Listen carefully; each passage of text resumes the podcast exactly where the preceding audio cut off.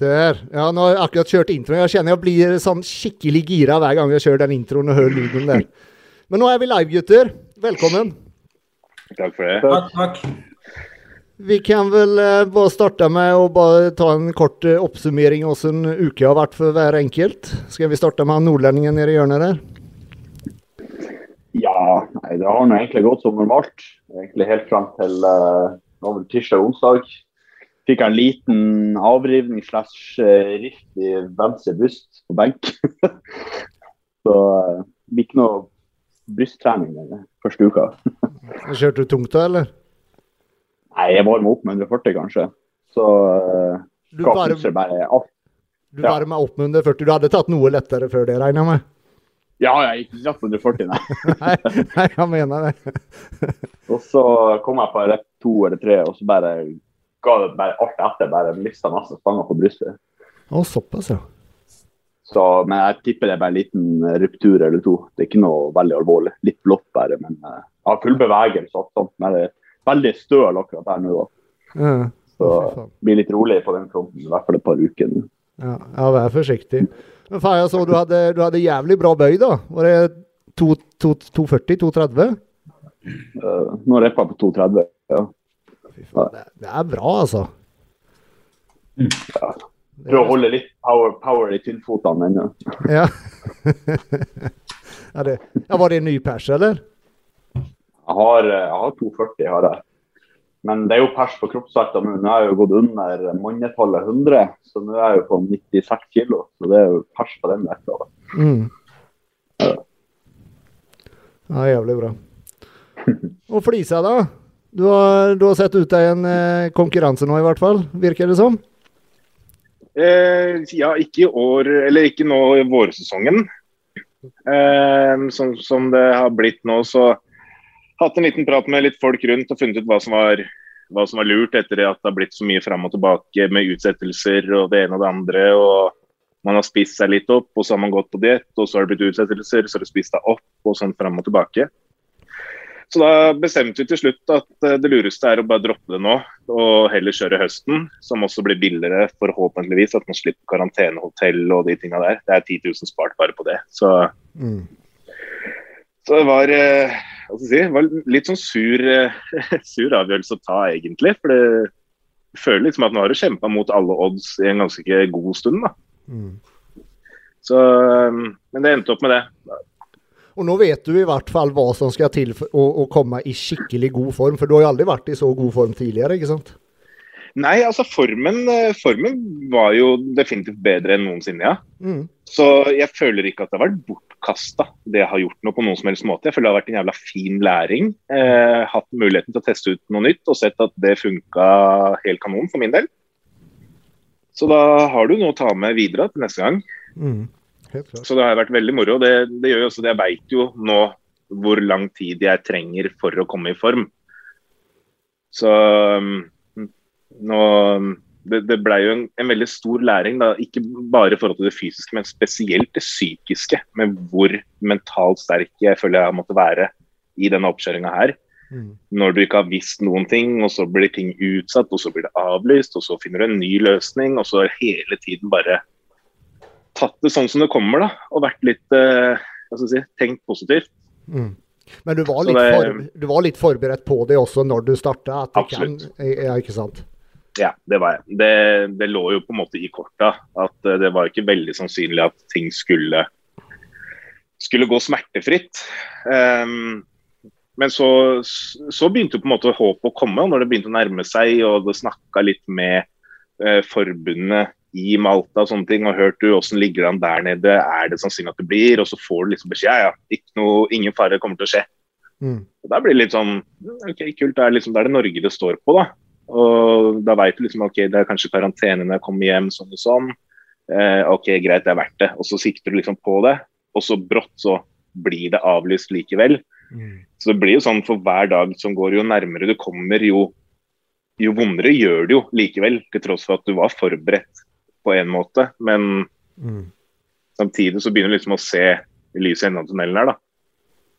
Mm. Så, men jeg syns det, det, har vært jævla moro, faktisk. Uansett om det ikke ble noe av, så føler jeg liksom at det, det, har vært en stor seier eh, likevel. Selv om det liksom aldri ble noe konkurranse. Men det har vært, eh, vært mye lærdom på veien. Mm. Helt klart. Men hva skjer nå, da? Eh, Bare begynner å spise som vanlig nå, da? Eller, eh, eller Ja, så- skal du holde formen over sommeren, eller noe sånt? eller? Ja, nå kommer jo sommeren, da, så det er jo litt sånn Sørenga Open 2021 og uh, ut og kose seg. Så det er jo absolutt en fordel å holde formen. Så um, det, det er jo én ting. Men du gidder ikke å være i, i, i den skrapa-formen, i hvert fall? Nei, altså, det hadde jo ikke gjort noe sånn uh, utseendemessig, men uh, det, det krever jo sitt, da.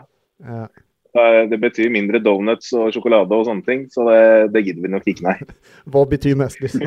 ja, det, det er ikke så mye å veie. Nei da. Det er um, jeg, jeg tenker litt det, Selv om det ikke blir en vårsesong nå, så er det ikke så altfor lenge til høstsesongen er i gang.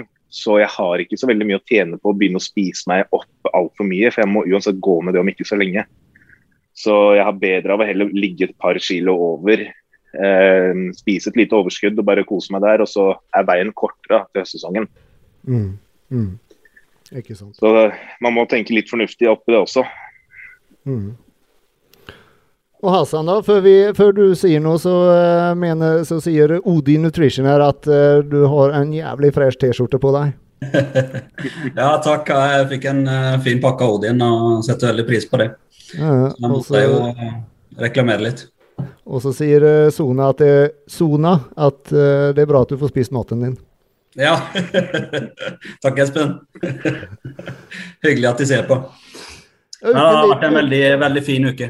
Det har det absolutt gått kjempegreit på jobb og gått kjempegreit på trening og maten. og Jeg skjønner hvorfor jeg veide meg i dag tidlig, så jeg skjønner hvorfor jeg har vært sliten. Jeg må bare klage litt, Mathias. Jeg vet at du hater folk som klager, men jeg har gått ned 1,1 kilo nå bare siste uka. Droppa veldig mye første uka, så på to uker så er hun ned 4 kilo. Så da skjønner jeg, så er det 6 cm ned rundt midja, så jeg har droppa, hatt en ekstrem dropp. Nå så må man bare følge litt med og eventuelt øke litt maten, for det går litt fort ned. Mm. Mm. Så Men merker Så- du sånn på trening at du, at du har mindre power, eller er det fortsatt Nei, nei. jeg kjører 40 gram med, med karb eh, i Targo eh, på hver økt, og kjører litt PVO fra Odin Nutrition, faktisk. Så, så jeg er fullt trøkk på trening, men jeg merker det liksom når kveldene kommer, at, eh, og det har vært ekstremt mye å gjøre eh, litt rundt forbi, hjelpe mor og litt familieting og litt på jobb, og så har liksom Må lage maten selv. Hva sa du for noe? Ja, så må du lage maten selv også. Ja, to dager, det er krise. Du klarer å glemme å lage maten til meg i to dager, liksom det Måtte stå og kokulere i dag og her om dagen, så det ble jo en alvorsprat. Og den vant du, eller vant Janne? Nei da, det, jeg vet ikke hvem som vant, men eh, hun, lagde, hun lagde mat dagen etterpå, så ble det glemt eh, dagen etterpå der igjen. Så, Ok. Nei, men jeg klarer meg fint. Er, eh, herregud, det er to pakker med karbonader som man steker, og så er det, er det litt ris i riskokeren. Så det går, det går bra. Det er ikke så vanskelig akkurat. Så er det nyvaska og klar salatbade som jeg, som jeg bare hiver oppi og gnur i meg. Det er, ikke- det er ikke rakettforsking, det er bare det at man eh, Jeg hater å stå og lage mat fra gammelt av. Jeg vet ikke hvorfor, men jeg bare Jeg har bare fått, fått det helt opp til halsen. Før så stod jeg hver dag og lagde mat. Er så rått driver sliter og en, to dager. Litt kjipt å drive en spiseplass og hate å lage mat. Ja, ikke sant. Det er noe annet der tjener man penger, vet du. Så det blir jo litt sånn her Man tjener jo ikke penger på å lage maten her, så jeg er hjemme. Men hvis vi sier sånn at hvis, hvis ikke Janne hadde lagd maten din, hadde du, hadde du vært like flink nå da? Eh, det tror jeg. Jeg har vært veldig innstilt på å prøve å komme meg i eh, en grei form igjen, og det Jeg tror ikke jeg hadde gjort noe annerledes. Men eh, hun har gjort hverdagen min eh, 10 000 ganger lettere. Så all ære til henne. Det, det må jeg si. Ja, de som eller som deg og, og jeg vet f.eks. Monica Foss, ikke sant, fikk lagd Mm. all maten sin på diett av Kenneth. Ja, ja. Det er sånn de som har det sånn, fy faen så deilig! For just på Ja, diett, og, og, og, just siste ukene på diett før konkurransen, man er sliten og du er dritlei allting. bare det å stå og foodpreppe, det er så hat. Ja, men så er det, det, det er jo derfor på en måte jeg har prøvd å finne meg en leverandør som kan, eh, som kan lage maten til meg også. Mm. Uh, men det er, litt, uh, det er litt vanskelig å finne, og så er prisene så ekstreme at det, det, blir liksom ikke gunstig å gjøre det. Man har jo råd til det, men det gidder ikke ta meg råd til det. Det, det, er ikke å betale 100 kroner for en rett, liksom, det syns jeg er helt insane. Det blir et jævlig veldig høy matbudsjett, i hvert fall, i så fall. Ja, det blir jo 9 10 000 kroner liksom bare der. og det, det, blir litt for vilt på kun middagene, liksom. Og da har man havregryn utenom og, ja, og alt som er rundt. Mm. Mm. Så det blir for vilt. Ja, ja helt klart. Mm. Uh, min uke har vært uh, veldig bra. Uh, Gymmet er åpent igjen. og litt som vi snakka om sist gang, liksom, ja, nå merker jeg siste uken har sovet litt dårlig, vært litt sånn nedfor. Men nå, etter å ha fått trent ordentlig i halvannen uke, jeg sover som en stein. Ja. Og, og, merker humør og alt er så mye bedre. Så fy fader, det gymmet, det har så mye å si, altså. Mm. Det er en ting å ha liksom knebøyrack og de tingene her hjemme, men, men, det er noe spesielt å komme til gymmet, altså. Og få trent skikkelig. Så uh, Nei. Ja, Vi har jo fått en del tilbakemeldinger etter sist podcast med tanke på det når vi snakka om psykisk helse og, mm, og det med gymmet og liksom hvor viktig det er. Og jeg syns det er utrolig synd at helseministeren og på en måte at ikke de ser eh, at ikke de ser på en måte hvor mange innbyggere det er som sliter nå. Egentlig. Altså For de så tenker man det er jo en liten del av hverdagen. ikke sant? Det er kanskje halvannen time, to timer av en hverdag. Mm. Eh, kanskje si gjennomsnittlig i Norge så trener folk eh, tre ganger eh, i uka. da. Altså De tre gangene i uka de har så ekstremt mye å si for den psykiske helsa. Det å komme ut, det å bruke kroppen og ikke minst eh, være litt mer sosial og, og, føle på en måte litt sånn til, tilhørighet til et miljø, mm. det, også, det, det, spiller også veldig mye inn på psyken. Mm. Det gjør det. Helt klart. Mm. Um, skal vi se, nå har jeg fått masse kommentarer. Skal jeg bare se hva det står her.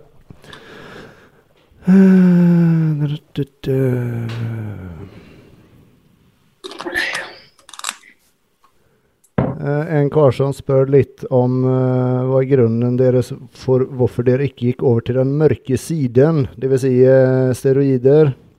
Spesielt når samtlige konkurrerer og en cut cycle kunne gjort fysikken tørrere og bedre. Bare et åpent spørsmål. Uh, har vi egentlig lyst til å snakke om noe om det i det hele tatt?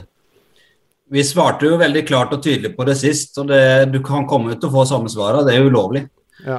Det, hva er det mer å prate om? Nei. nei. Det, er et, det er et kort og godt svar. Ja. Uh, ja. Uh, gutter, vi har jo snakket litt om hva vi har lyst til å snakke om i dag. Ja. Uh, så jeg tenkte og det er jo det med coaching og coacher. Hvordan man Eller hva er det som gjør en coach bra? Hvordan finner man en bra coach, etc. Uh, eh, der har jeg lyst til å starte med å, å, fortelle den gang som jeg begynte å konkurrere, da, dvs. Si for uh, faen meg 18 år siden. 19 år siden. 19 år siden. 19 år siden.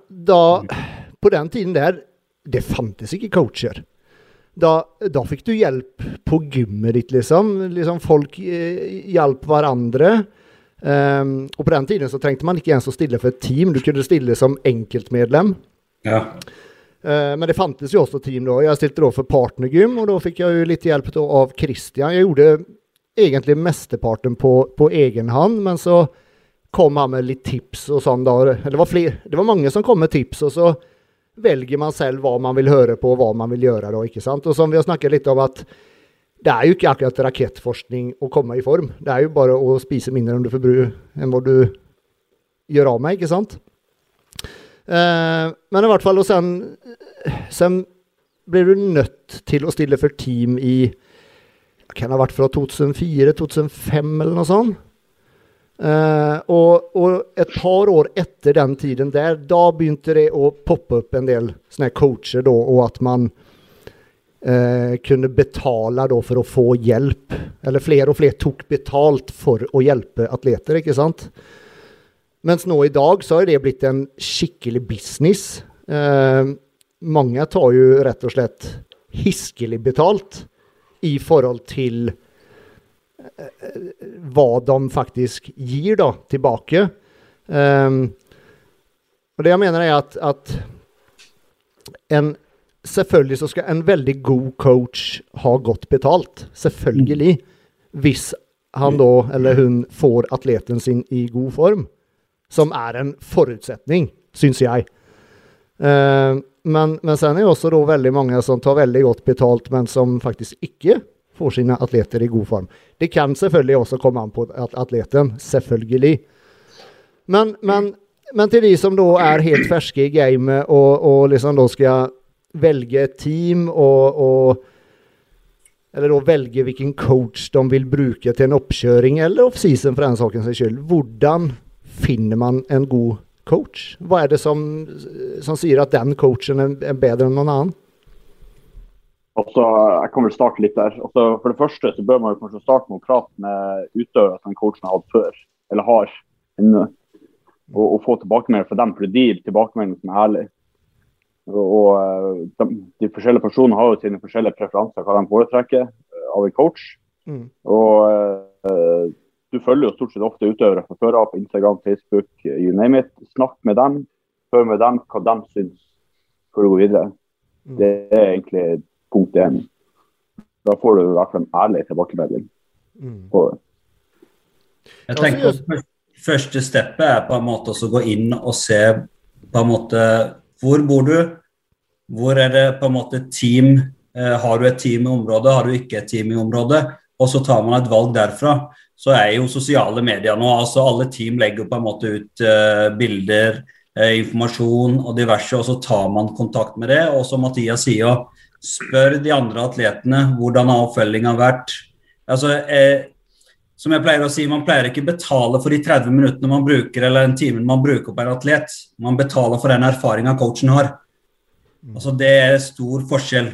Og Der går man tilbake til eventuelt om man ønsker å betale en tusenlapp i måneden eller om man ønsker å betale 10 000 i måneden. Folk utnytter det for at de eventuelt har en status eller ja, en kjendisstatus eller har holdt på i gamet lenge, hvordan utdannelse de har og diverse. Men start alltid med å se hvor hvor på en måte er det teamet du ønsker å stille for, hvor det er lokalisert? Hvordan fungerer det? Eh, hvor mange møter har de? Eh, går alt via nett? Altså Skal du ha poseringstrening via nett, eller går det på saler? Hvor mange ganger i uka eller i måneden de på en måte eh, møtes? Og Nå snakker vi om fitness, ikke sant? fitness og bygging. Eh, så Start der først, og så se. Og som Mathias sier, det er et veldig godt punkt, eh, poeng. Ta så Snakk med de andre atletene og så se åssen tilbakemeldinger er. Det er jo ikke alle altså, Og ikke bare bruk én, bruk flere. Kanskje tre-fire stykker. Det kan være det én som ikke er misfornøyd, men tre som er fornøyde. Mm, mm. Mm. Ja, sen å bare se hvordan faktisk atletene fra de forskjellige coachene har gjort det. Ja, ja. Hvordan ser de ut på showday, liksom? Ja, men det, det, kan være litt misvisende, for det er veldig mange Jeg ser en del team som kun legger ut første, andre og tredjeplasser. Og så legger de på en måte ikke ut bilder av folk som kommer på sjetteplass eller en åttendeplass eller en mm, tiendeplass. Mm, mm, mm, ikke sant? Så der må man være litt forsiktig også. Mm. Ja, ja, det er sant. Det er sant. Jeg tenker En annen ting som er veldig viktig, eh, som utøverne bør tenke på, det er, det er det å være flink til å stille mye spørsmål til eh, den aktuelle coachen litt med hva er det du kan hjelpe meg med, hvordan gjør dere ting hos dere? Hva er det jeg får for å stille for dere? For det er tross alt utøverne som skal finne den som passer. da. Mm. Så én ting er å finne en som du føler en veldig god kjemi med. Ja. Eh, en som gjerne er flink til å forklare sine argumenter. For det, det er veldig fort gjort å liksom kunne si at nei, du, du, skal gjøre sånn her. Og så hvis du tar deg tid til å spørre ja, men hvorfor det, så vil liksom svaret være eh, det er fordi at sånn har vi alltid gjort, liksom. Mm. Da har du faktisk ikke noe grunnlag for hvorfor du gjør det, du bare gjør det du som ble gjort på 80-tallet, 90-tallet. Følger litt bro science fordi at sånn var det. Så det er veldig lurt å stille mye spørsmål. Være litt kritisk og tenke hva, hva er det du trenger, da. Er du en person som klarer å følge en superstrikt diett med kylling og ris? Eller trenger du masse forskjellige utvalg? Trenger du veldig mye oppfølging? At en, en person faktisk spør deg liksom nesten daglig åssen det går med deg? Det er, liksom, det er ganske mye man må tenke på, på selv også. og Det er klart det er vanskelig for en utøver som aldri har gjort dette før, for den veit jo ikke hvordan den vil reagere. da. Mm. Hvordan ting blir underveis. Men jeg tror jo mer spørsmål du selv stiller, jo mer inntrykk vil du også få av denne coachen i forhold til kunnskapsnivå, i forhold til den tillitsbiten og hva det gir tilbake. Mm. Sen det kommer jo selvfølgelig an på hva utøveren også da ønsker. Jeg mener som, mm. som nå når jeg gjorde da comeback, da, så stilte jeg for Team Fit Together, ikke sant? Og, mm. og det var ikke pga. at det er et verdens beste team. Eller, eller det er jo det, da, men ja, Dere skjønner hva jeg mener? Men, mm. for jeg trengte ingen hjelp til selve oppkjøringen. Jeg trengte bare et team til å stille for. Mm. Ja. Eh, mens noen da trenger jo hjelp til absolutt alt. Bare å, å velge poseringstrusa og uh, sette opp en diett og etc., etc. Men litt som du snakker om det, Mathias, just det at man har god kjemi. Det, det tror jeg har veldig mye å si, og er veldig viktig. At man kan føler at man kan snakke med, med den som coacher den, da. Så, ja. Men sånn i forhold til Der tenker jeg også på en måte det coachene sitt ansvar. Har man ikke kjemi med en atlet, så går det an å gi den atleten videre eller si ifra at du hei, jeg føler ikke at du passer inn. Um, nå snakker jeg på vegne på en måte av eh, det vi gjør. altså Team Elite har jo Vi har kun holdt oss lokalt. Vi har noen få på en måte, som er spilt to eller tre stykker som på en måte er utafor Sørlandet. Men grunnen til at vi har prøvd å holde det her i området, er for på en måte gi folk best mulig oppfølging. Eh, nå har jo jeg og på en måte Janne jobb på sida, og vi har det greit økonomisk, så vi lever jo ikke kun av teamet. Men eh, når jeg hører hvor mye andre folk tar i måneden rundt forbi, så får jeg jo helt hakeslepp. Eh, vi tar på en måte en tusenlapp offseason Eh, for å følge opp folk. Og da er det jo spørsmål Sender Sender folk eventuelt spørsmål daglig. Ikke sant? Du har eh, målinger hver uke, du har justering av diett, du har justering av, av treningsplan. Og så får jeg en tusenlapp. Mm. Det er seks-syv shotter på byen på, liksom, på en fredagskveld. Ikke sant. Og da det er liksom sånn der vi, vi, er på en måte må finne på en måte en som brenner for det òg, og ikke bare er der kun for pengene. Mm. Pengene sin del. Det må på en måte være en ildsjel også, og være en som på en måte gir det lille ekstra. da. Mm. At man ikke bare finner ok, han er best, han tar best betalt, for det er jo ikke alltid sånn.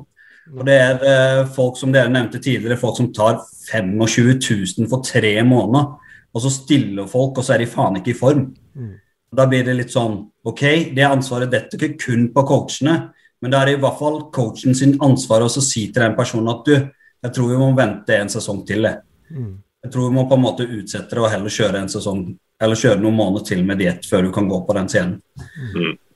Ja, for det, det, som jeg mener da, da som dere da, Hassan, da, eh, tar 1000 spenn i måneden, da, ikke sant? Justere diett og, og, og, og følger opp. Det er off-season. Ja. er off-season, ikke sant? Mm. Jeg mener, dere skulle selvfølgelig ha, ha betalt for det som de, den jobben som dere legger ned. For det er, det er jobb med å sette opp diett og justere og, og eh, svare på spørsmål i hytt og pine, ikke sant? Det er det. Ja, jeg kan bruke på en atlet, altså I måneden så kan man faktisk bruke mellom fem og ti timer for at den har behov for ikke å sant. prate mye eller for å få skikkelig oppfølging. Mm. Det gjør ikke at det tar mer av den atleten. Det er det vi har gjort. altså Vi har jo sett at vi på en måte har kanskje ligget veldig lavt altfor lenge. Eh, og med tanke på at eh, når jeg jobber i barnevernet, så havna to av stevnene på de helgene der jeg kunne på en måte Hver dag jeg jobba i barnevernet, så hadde jeg 4000 kroner dagen. Så det endte jo med at jeg tapte 16 000 kroner hver helg. Mm. ikke sant, Gang det med to. Mm. Det blir jo veldig mye penger. Det blir det. Så det er liksom, vinninga går opp i spinninga. Det er ikke, man sitter jo ikke igjen med noe gevinst, på en måte. Veldig mange tror at det er veldig lukrativt. Men når du har eh, si tre-fire stykker som du følger opp på et så lite team, mm. uh, så er det jo ikke det er, jo, det er, jo, på en måte ikke så veldig mye penger. Mm. Det er jo lommerusk. Mm. Mm. Men det som jeg syns er skremmende, da, det er Eller man har jo hørt noen skrekkeksempler der det er der utøverne mer, mer eller mindre da får en sånn klipp og lim-diett, ikke sant? Det er ikke noe som er personlig anpassa i det hele tatt. Det er bare liksom Her har du en diett. Mm. Det er det veldig mange av. Ja. Og det skjer jo støtt og stadig. Altså Noen dietter kan passe til to atleter, men eh, den tredje atleten, og fjerde, og femte, og sjette, og tiende og ty- tyvende passer ikke, liksom. Nei. Så det er det som er det er det, Om man har en mal, på en måte, om man har en Excel og man har en mal som man bruker, men om kaloriene og makroene Hvis alle får like kalorier og makroer, så er det jo noe spinn galt. Nettopp. Ja, det er vanskelig, vanskelige greier det her, altså. For det er eh, Ja, nei. Men sånn, skal man Sånn ut ifra da Som du sa, eller som du nevnte tidligere, da, eh, da at man må betale for det man får da i forhold til erfaring eh, hos coachen etc. Men vil det da si coachen sin egen konkurranseerfaring, eller er det utdanning, eller er det begge deler, eller hva, hva Jeg man mener jo at man må se på hvordan coachen eventuelt har gjort det. Om han har vært i fitnessmiljøet lenge, hvordan rolle har han i fitnessmiljøet. Ikke sant? Eh, Jeg vet at vi selger oss sjøl altfor billig. Altså vi er mye, Jeg og Janne til sammen har jo kanskje 30 års erfaring innenfor trening. Hun har jo mer enn det kanskje også. Ikke sant? Det er utdanna PT og har holdt på så lenge at hun, hun kan jo alt. Man kan på en måte alt. Det er jo ikke så veldig mye som forandrer seg. Alle kjører som regel, alle team kjører som regel like dietter. eller Det er jo ingen som har den der magic, eh, Nei, nei. eh, magic stick, liksom, og så bare poff, nå er du i form. Alt går liksom på samme måte, nesten. Kanskje forskjellige makroer, forskjellig tankegang på noen få ting. Altså Peak weekend kan være annerledes fra eh, team til team. Eh, noen kutter vannet, andre gjør ikke. ikke sant? Det er liksom ikke så, det er ikke så mye som skiller, men det er jo den oppfølgingsperioden. Poseringsperioden, ikke sant. Hvor godt følger man opp atleten? Eh, hvor mye energi bruker man på poseringstrening? Eh, og det er jo på en måte ekstremt essensielt. Noe som jeg ser støtt og stadig som dommer, at folk kommer på scenen og så tenker jeg Hvem er det du stiller for? Hvem er det som har lært deg å posere sånn? Hvorfor har ikke du lært deg å posere? Sant? Det blir sånn et sånn irritasjonsmoment, for det ligger i bakhuet at oi, her er det faktisk noen som ikke har gjort jobben sin. Men det detter jo så klart ikke bare på coachen, da. Det detter jo på atleten også. Som har brukt tid og energi. Altså En coach er jo på en måte en veileder eller en veiviser som viser vei. Men det er jo atleten som må gjøre jobben. Men hvis da coachen lærer atleten å posere på feil måte, så er det jo faktisk coachen sin feil. Ja, Mm. da er det coachen sin feil. Ikke sant? Og det skjer veldig ofte, Andreas. Ja, ja, I know, I know. For det tenker jeg da, som, som din og Jannes eh, erfaring, da, dere er jo begge dommere, ikke sant? Så dere kan jo gi eksperthjelp når det kommer til just posering. Ja, vi har på en måte hver vår gren. Nå kan ikke jeg si eh, vi er ingen av oss, altså, Jeg har jo ikke stilt til menns fysikk, eh, men jeg kan på en måte poseringene. Men nå er ikke de 110% men da kan vi bruke noen av atletene på en måte som har stilt før, til å komme og, og bidra. Samme med på en måte bikini også. Janne er veldig flink på poseringer, bodyfitness, athletic fitness og bikini. Sant? Så tar hun seg av den delen. Og så tar jeg meg bygging og classic og, og MP, eh, da. Så da, da har man på en måte de felta som man bruker de felta som eh, Jeg kan ikke stå og posere bikini. Jeg er ikke så flink. Jeg klarer å justere og diverse, men eh, jeg er ikke så flink med høyhælte sko. Kledd ja, ja, ja. Hvordan gjør dere det på Kaliber, eh, Mathias? Nei, vanligvis så har vi jo posering eh, hver søndag. Da. Det er jo litt annerledes nå, da. Det i opp- det. I oppkjøringen da, eller året rundt? Nei, stort sett oppkjøringen. Så har vi et litt gjeng som møtes i nå og da off-season også. Mm. Er det. Så det er stort sett en gang i uka. Er det. Da kjører vi bare alle sammen. Mm. Og da når man stiller for Kaliber, får, hvordan funker det? Har, må man, hva skal jeg si, må man betale ekstra for, for å få typ diett og, eller hjelp til diett og sånn, eller, eller er det noe som inngår i noen avgift? Eller? Altså, akkurat nå så har jo ikke vi satt noe sånn fastpris hva det koster å stille. Uh, det føler jeg også blir litt feil. Det er liksom det som vi nevnte tidligere. Folk trenger forskjellige oppfordringer. Noen trenger nesten ingenting. Noen trenger Mm. bare klubb å stille for. Noen Ja, trenger å kunne stille spørsmål ti ganger om dagen. Så det, det styrer vi egentlig litt sjøl ut ifra hvert enkelt tilfelle, om man kan kalle det det. Mm. Det er ikke noe én plan som funker til alle. Nei, Eller pris, da. nei, nei. Skjønner. Mm. Og du Marius, du, ja, du er vel ikke lenger i toppform, men Nei. Jeg er ikke det. Jeg har jo starta mitt eget team nå. hvordan, um, det hvordan blir- gjør du det? ja, det er vanskelig å si, hvordan det gjøres. holdt jeg på å si. Nå har vi jo ikke fått starta opp ennå. Men det blir, jo, det blir jo en veldig type lik mal. Jeg tar jo med meg veldig mye fra toppform, selvfølgelig. Jeg har jo vært der nå i elleve år eller noe. Så det er jo den klubben jeg har vært i og liksom hatt min lærdom. Eh, så det blir jo en, veldig mye av det samme som vil gjøres. Eh, jeg kommer til å ha poseringstreninger en gang i uka med alle utøvere. Og ehm, da jobbe mye med, med poseringene på det. Eh, og for de som da bor eh, lenger unna ikke har mulighet, så kommer jeg til å kjøre online oppfølging på de. Hvor de har mulighet både til å sende meg videoer av poseringene sine, og at vi eventuelt tar litt sånn som vi gjør nå, og kjører en litt direkte Mm. Eh, oppfølging. da. Mm. Så, så det, det blir jo veldig mye fokus på det. Og så blir det jo eh, kosthold og treningsplan som, eh, som eh, medfølger. Og litt som vi snakket om, reverse diet òg føler jeg jo er veldig viktig at det er en del av det. Så det også er noe jeg på en måte gjør oppmerksom på. At din periode med oppkjøring er fra da til da, men du har fortsatt litt tid etterpå også hvor du skal fortsette på diett, så man veit om det.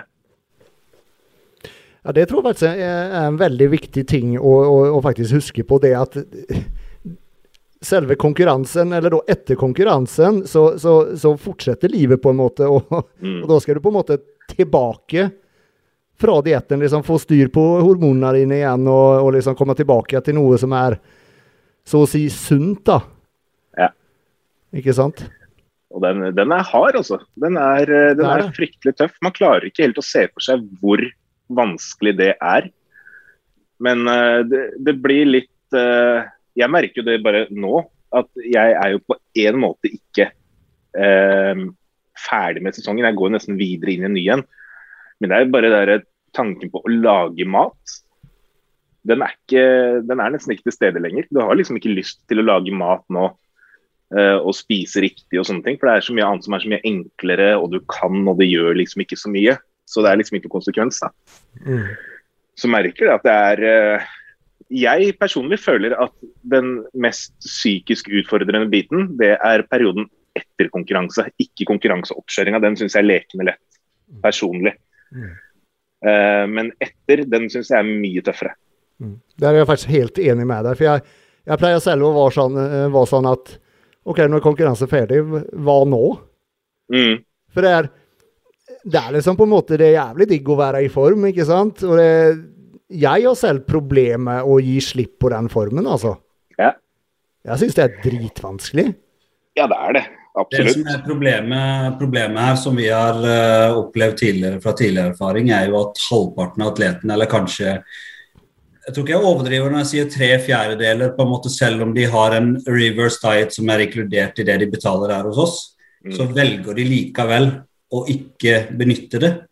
Vi er på en måte vi, vi ikke Vi kan jo på en måte ikke tvinge folk til noe heller, selv om vi anbefaler det og på en måte maser litt om det. Mm. Men nei, nei, nei, nå går det bra, jeg vet hva jeg gjør. Det er liksom det samme, samme svaret nesten man får hver gang. Å, jeg kommer til å fikse dette her sjøl. Det kommer til å gå bra. Og det, det er så utrolig synd, for at flesteparten går på en smell, og så blir det liksom snakker du med de etter to-tre uker, og så har de gått på en kjempesmell. Ja. Det, det er dere som lytter, på en måte, prøv også å få, få med dere den reversen, for den er så ekstremt viktig. Mm. Snakker av erfaring. To ganger på sykehus, hallo. Men det, det er veldig riktig det du sier der, Hassan. At det er sånn Teamet kan legge til rette alt de vil og tilby diett og oppfølging. og De kan sende melding daglig. og Teamet kan i utgangspunktet ha gjort absolutt alt de eh, makter å gjøre. Men det er jo opp til utøveren. De har et ansvar. Det er de som faktisk må gjøre det. Ja, ja. Så, så man kan jo liksom ikke legge alt på teamet, men man må i hvert fall ha en mulighet til den oppfølginga og ha et team som, som tilbyr det og støtter deg i den perioden. Men det er veldig riktig akkurat det du sier der. Det er, det er jo utøveren som tar det valget. Mm. Jeg har sittet med samme inntrykk. Det er veldig mange som tar litt lett på det. da. Mm. Og føler at nei, men dette klarer jeg, og jeg har alltid hatt veldig bra forhold til mat og sånn og sånn og sånn. og sånn. Det er ingen som har bra forhold til mat etter en diett. Altså. Det er ikke det, vet du. Det er det som er. Og det, det er akkurat det som skjer. Og det er, det er som Hassan sier, det er i hvert fall tre fjerdedeler. Jeg tror vi nesten kan dra det opp på til rundt 90% av de som går på diett, sliter eh, i en periode eller over lengre tid med å komme tilbake til normalen igjen. Mm. Det er ekstremt vanskelig. Ja. ja, det er det. Det er det. Det er dritvanskelig. Men da, for å, for å, for å prøve å oppsummere litt, hva, hva Si at, eh, si at eh, Ebba, eh, 23 år gammel, har lyst til å eh, stille i bikinifitness. Og så skal hun finne seg et team og en coach, og hun har ikke peiling på på det med diett, eller hvordan man kommer seg i form. eller Hun, hun vet sånn cirka, da, men hun, hun må ha hjelp til det. Hva er det første hun bør gjøre, da? Altså For å finne et team så må du inn på IBB Norway sin uh, nettside. Uh, og der står på en måte alle teama, og så går man ut ifra Det står, Jeg tror det står adresse, eller hvor de på en måte tilhører òg. Mm. Uh, og der, der går man på Jeg vil anbefale at folk tar kontakt med et team som er nærme, hvis det er et godt team. Bare presisere det. Ja, Men hva er et godt team, da? Mm. Et godt team er på en måte Da går vi tilbake til det samme som vi har sagt. altså Man må jo på en måte spørre atletene som har stilt for et team, om det er et bra nok team å stille for. Om de har eh, bra rykte, bra samhold, eh, om de følger opp bra, om de har gode poseringstreninger, om de er flinke delegater som ikke lar atletene sine sitte backstage alene og stikke av fra dem. Det har vi opplevd to ganger med atleter fra forskjellige team. Jeg merker det bare koker inni meg når jeg snakker om det. Det. At, at, man, at, man, at, man, ja, ja, men at man faktisk lar atleten sin ligge alene der. Ikke vet når han skal komme ut på scenen. Eh, ikke, det blir liksom sånn der eh, Hvorfor skyver du ansvaret på den stakkars atleten som kanskje stiller første gangen, og ikke vet hva han skal gjøre, ikke vet når han skal opp på scenen? Altså, følg de Dere får jo også betalt for det. Så for guds skyld, de må jo på en måte følge folk også backstage. Ja. Jobben er jo ikke bare fram til uh, innveiinga, og så er du ferdig, og så kan du ta deg noen dram på kvelden der, og så kommer du seint dagen etterpå, liksom. Jeg er veldig enig med deg der, Hassan. Ja. Men, men litt i forhold til spørsmålet til Andreas. på en måte, Hun stakkars Ebba på 23, da, hvordan veit hun at du som coach og delegat kommer til å passe på hun bak scenen? Ja, For men, det, det er selve spørsmålet. på en måte. går ja, men da går vi jo tilbake til at da spør du jo de andre atletene om hvordan på en måte har oppfølginga vært. Hvordan Mm. har det vært bak scenen? eh, Hvordan har det vært etter konkurransen? Mm. Da får du med på en måte alle tre fasene. Ikke sant? Mm. Da, har man, da, har, da får man innblikk. Og som sagt, ikke spør kun én person. Mm. Har de, har de ti atleter, så spør ti atleter. Mm. Har de tre atleter, så spør tre atleter. Sånn at du på en måte får en sånn gjennomsnittlig eh, helhetsvurdering av det teamet. da. Ja, det er jo egentlig bare å spørre, spørre den atleten det gjelder, at har du lyst for å, Om du skulle stilt igjen, har du lyst til å stille for det teamet? Samme teamet, Mm. ikke sant? Og får du da et ja, selvfølgelig, jeg skulle aldri kunne tenke meg å stille for noen annen, da, da har du et godt svar der, ikke sant? Ja, ja. Ja. Absolutt. Ja. Mm. Jeg føler også det, det er to andre ting som er veldig viktige, og de går kanskje litt imot hverandre på en måte. Det ene er hvor eh, empatisk og hvor flink coachen er til å faktisk bry seg. Sånn som Hassan sier, at det handler ikke om penger, det handler om å faktisk ha en lidenskap for sporten og bry seg om hver enkelt utøver. Det å liksom alltid være der for utøveren uansett hva det er for noe. Og det å være dønn ærlig på tilbakemeldinger. Mm. Og, og der føler jeg på en måte at de to kan stride litt imot hverandre eh, i noens øyne. Fordi at den, det å komme med en dønn ærlig tilbakemelding og si til utøveren at vet du hva, beklager, du er ikke i form til å stille nå Mm. eh, til konkurransen nå, så vi må utsette det. Mm. Det. Det er så viktig at du har en coach som faktisk tør å gjøre det. eh, at coachen underveis tør å si at du, nå begynner du faktisk å få jævla dårlig tid. Så enten er du nødt til å steppe opp gamet, eller så er du nødt til å trekke deg. Du må ta en avgjørelse på hva du vil nå. Mm. Det å hele tiden kunne være Virkelig følge opp utøveren da, hele veien og si det som er riktig, og ikke det som utøveren ønsker å høre, eller det som føles bra ut å si. Det føler jeg også er veldig viktig når du, når du er i et team. Ja, det sier du noe. Men sen, sen på samme Eller samtidig da, så er det jo litt det at Eller jeg, jeg i hvert fall har, har inntrykk av at det er veldig mange som, som bare ønsker å komme seg på den scenen for å faktisk få noen kule bilder å ha på, på, på Instagrammen sin. Ja. Liksom been there, done that. Ja. Det er liksom ikke noe mer enn det. Men, men, men hva, hva med en sånn utøver? Skal, man, skal de heller ikke få stille hvis de på en måte ikke Altså, det, det, det, det blir så vanskelig spørsmål. For jeg, jeg syns til en viss grad ja, men samtidig nei. Eh, det avhenger jo litt av hvor langt unna er du i form. da. Ja. Hvis det er sånn at du kan stå på, på scenen med en respektabel form, men du skiller deg ikke ut på noen positiv måte i det hele tatt. Det er bare at du Du, Du er en i mengden, Du er ingen, du er en i mengden. Da er det helt fair hvis det er målet til utøveren, og du som team ønsker på en måte å stå for at ja, vi lar alle stille. Hvis det er et rykte du ønsker å ha på din klubb òg, så er det helt greit. Men jeg mener at det, det må være en viss grense. og Det er litt vanskelig å finne akkurat hvor den linja går hen. Men jeg tenker publikum betaler penger for å komme og se på atleter. Det er litt det samme som når du, når du betaler penger for å dra og se fotball-VM, så drar du for å se bra fotball. Hvis kampen er dritkjedelig, så føler du jo at det ikke er verdt penga sånn sett. Og det samme blir det jo litt eh, Det er kult å sammenligne dette her med fotball-VM, da, men eh, det blir jo litt det samme når du drar på et fitnessstevne. Du drar for å se utøverne, så du har publikum som har betalt penger. Du har dommerne som sitter og bruker sin tid på dette her, og faktisk skal dømme utøvere. Så sender du utøvere som kommer i elendig form, så føler jeg at du, du stjeler tida til eh, arrangør. Du stjeler tida til publikum, du stjeler tida til dommerne og de andre utøverne som er der. Og hvis du har en femtedel av utøverne egentlig ikke burde vært der, da, så kunne stevnet vart mye kortere, ting kunne gått mye smidigere og vært mye bedre organisert. Mm. Så jeg føler at det er, det er jævlig respektløst overfor veldig mange å sende noen som er i for dårlig form på scenen. Men det var jo ikke spørsmålet, Marius, selv om jeg er enig med deg. Eh, nei, spørsmålet blir jo sånn Det er vanskelig å svare på. for det, Jeg vil er gjerne svare på- på det, takk. Eh, Andreas, hva har du spurt om igjen, sånn konkret?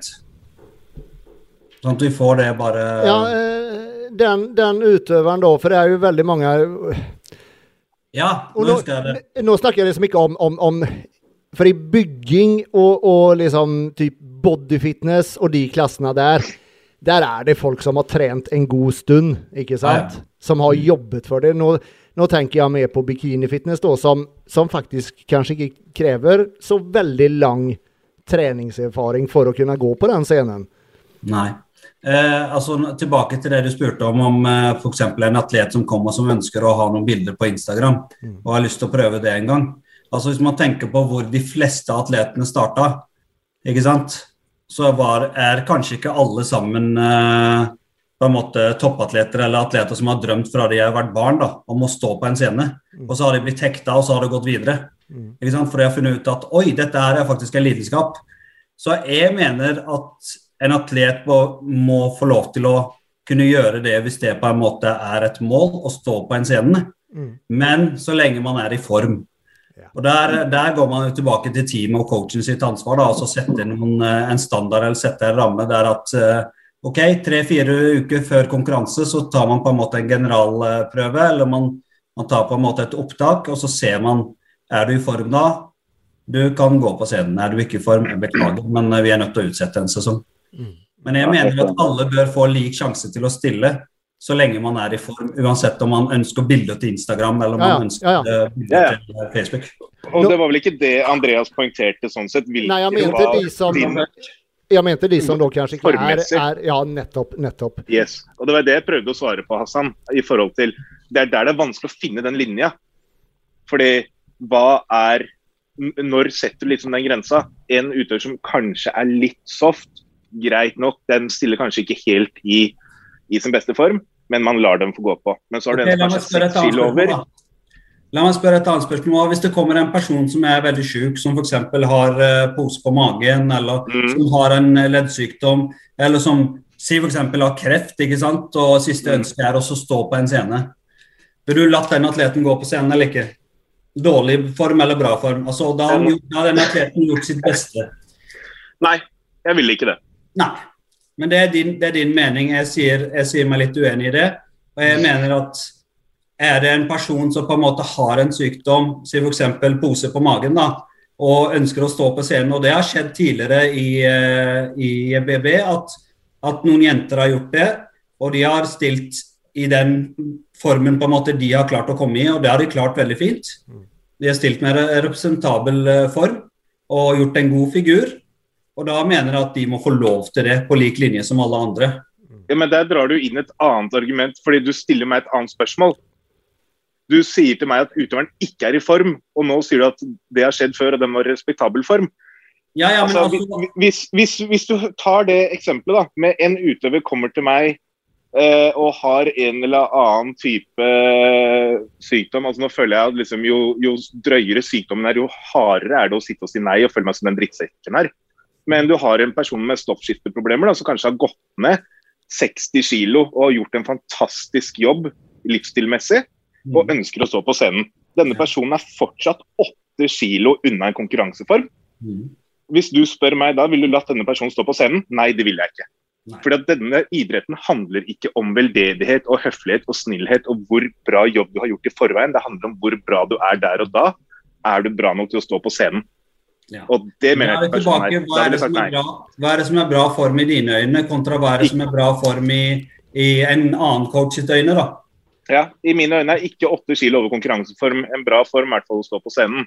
Nei, det er jeg helt enig med deg. Men hvis Så det er to-tre kilo bra, da? Da ville det blitt en eh, litt annen vurderingssak eh, som du på en måte må ta der og da.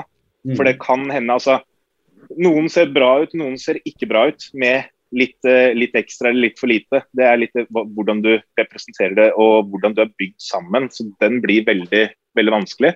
Mm. Eh, hvis det hadde vært til f.eks. et stevne før NM, at du har to stevner og det er Sandefjord, de er to kilo unna, selvfølgelig, fordi det kommer en konkurranse etterpå hvor det virkelig da det gjelder. Så da er det et litt annet aspekt. Men det, det er det jeg mener at den der grensa er så jævla vanskelig å finne. da, Hva er greit og hva er ikke greit. Ja, det er det, det er det jeg prøver å komme fram til, det poenget. At det du ser, og det jeg ser, eller det Mathias ser, og det Andreas ser, det er forskjellig. Ikke sant? Hva jeg merker er jeg er enig med dere begge på en måte. Mm. Er- Altså hva som er bra for dem, og hva som ikke er typisk bra Sverige. for og Ja, nei, nei. Mer, mer hvem, hvem, hvem bør gå på scenen? For jeg, jeg ser liksom den personen da som kanskje har gått ned, da, som du sier, da, 60 kilo, ikke sant? men allikevel da Mm. er unna det som er bra, bra form, da. Ja. Eh, I våre litt syke hoder. Men, men, men for den personen, da, så er, eh, så er jo den i sitt livsform, ikke sant? Mm. Det er det. Så, så, Jeg har sittet- jeg har sittet på dommerpanelet og så har jeg tenkt den atleten, at den atleten står på scenen, er faktisk krenkende overfor alle de andre atletene på lineupen. mm, Så ille har det vært. mm. Det har vært et team uten å nevne navn. Eh, vi har snakket, vi, altså Nå snakker jeg som enkeltperson. Jeg snakker ikke på vegne av teamet eller som dommer. Men det har vært team i Norge som har på en måte hatt en skreddersydd løsning der personen går ned 30-40 kilo for å stå på en scene. Det har vært Tre fjerdedeler av de som har stilt fra det teamet, har vært i elendig form. Mm. Altså det lille teamet. Og så har de et annet, et annet team der de stiller og er i kjempeform og har utrolig gode atleter. Ikke sant? Mm. Det mener jeg, akkurat den biten der mener jeg er krenkende overfor alle de andre atletene og overfor oss som på en måte sitter og dømmer og bruker tid og energi på dette her. Mm. Da, der, der, er- det er det noe helt annet. Men når vi er tilbake til f.eks. en person som kommer og så sier at hei, jeg skal prøve mitt beste, jeg har uh, f.eks. en eller annen sykdom, Mm. Uh, og så klarer du å få den personen si to-tre kilo fra sceneform. Nå snakker jeg ikke om åtte, ni og ti kilo, for da er du offseason-form nesten. Uh, så, så uh, mener jeg at det er greit å la de gå på scenen for å på en måte få den følelsen og kanskje den, den gleden som, som man kan få av å stå på en scene. Mm. Så jeg kan jo bryte litt inn her. Jeg er jo litt enig med dere begge to. selvfølgelig her. Begge har jo sine gode argumenter her. Men det kan si sånn da, La oss si at personen har gått ned 50 kg og har vært, vært, stor og kommet i sin livs beste form. Greit, la kanskje den hun eller han prøve seg f.eks. på et litt mindre stevne som Sandefjord Open ja, ja. eller Fredrikstad Open eller you name it. Men skal du stille på et NM, skal du stille på et Oslo Grand Prix eller enda høyere stevne, så skal du være dice, du skal være i form. Det nytter ikke å være to kilo over. Er det ikke bra, da, så får du ikke stille. Mm. Men det er jo ikke noen mm. kvalifisering til Oslo GP eller NM heller, mer enn at Men det er jo opp, det er jo, det er opp til klubben og coachen ja. hva de vil sende ut. Og jeg mener, selv om det ikke er noen kvalifisering i den grunn, mm. det er norgesmesterskap fortsatt et norgesmesterskap. Mm. Uh, du ser ikke dem holde på sånn i andre grener eller idretter. Finnes det et team i Norge som setter de grensene der for atletene sine, hvis de er stiller i NM og de sier f.eks. en person har stilt i grei form til Sandefjord, da så det, kan det faktisk gå ganske galt at man bommer på formen til NM. Mm. Det skjer jo. Så man ser mye dårligere ut. Selvfølgelig, det finnes jo det tilfeller, men nå tenker jeg sånn på generell basis her.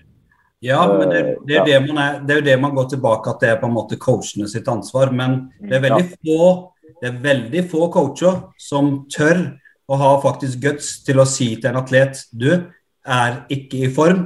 Du kan stille i Sandefjord, men du kan ikke stille i NM. Mm. Det er veldig sant. Da går vi litt tilbake til å snakke om i stad, om penger. Ja. da, da, har kanskje den utøveren eh, betalt 15 lapper ut til den coachen, og da begynner den coachen å bli rimelig flau og ikke klarer å få den utøveren i form. Så Det er jo det det går på. Det går på stoltheten sin. Men samtidig så er det jo ikke Jeg ville ikke følt meg veldig stolt hvis jeg sendte ut en utøver i elendig form for denne. Nettopp.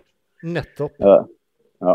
Så, og, der, og der kommer jo litt andre rykte tilbake òg, Mathias. Hvis eh, etter NM så ser andre i, i, salen at publikum ser denne utøveren.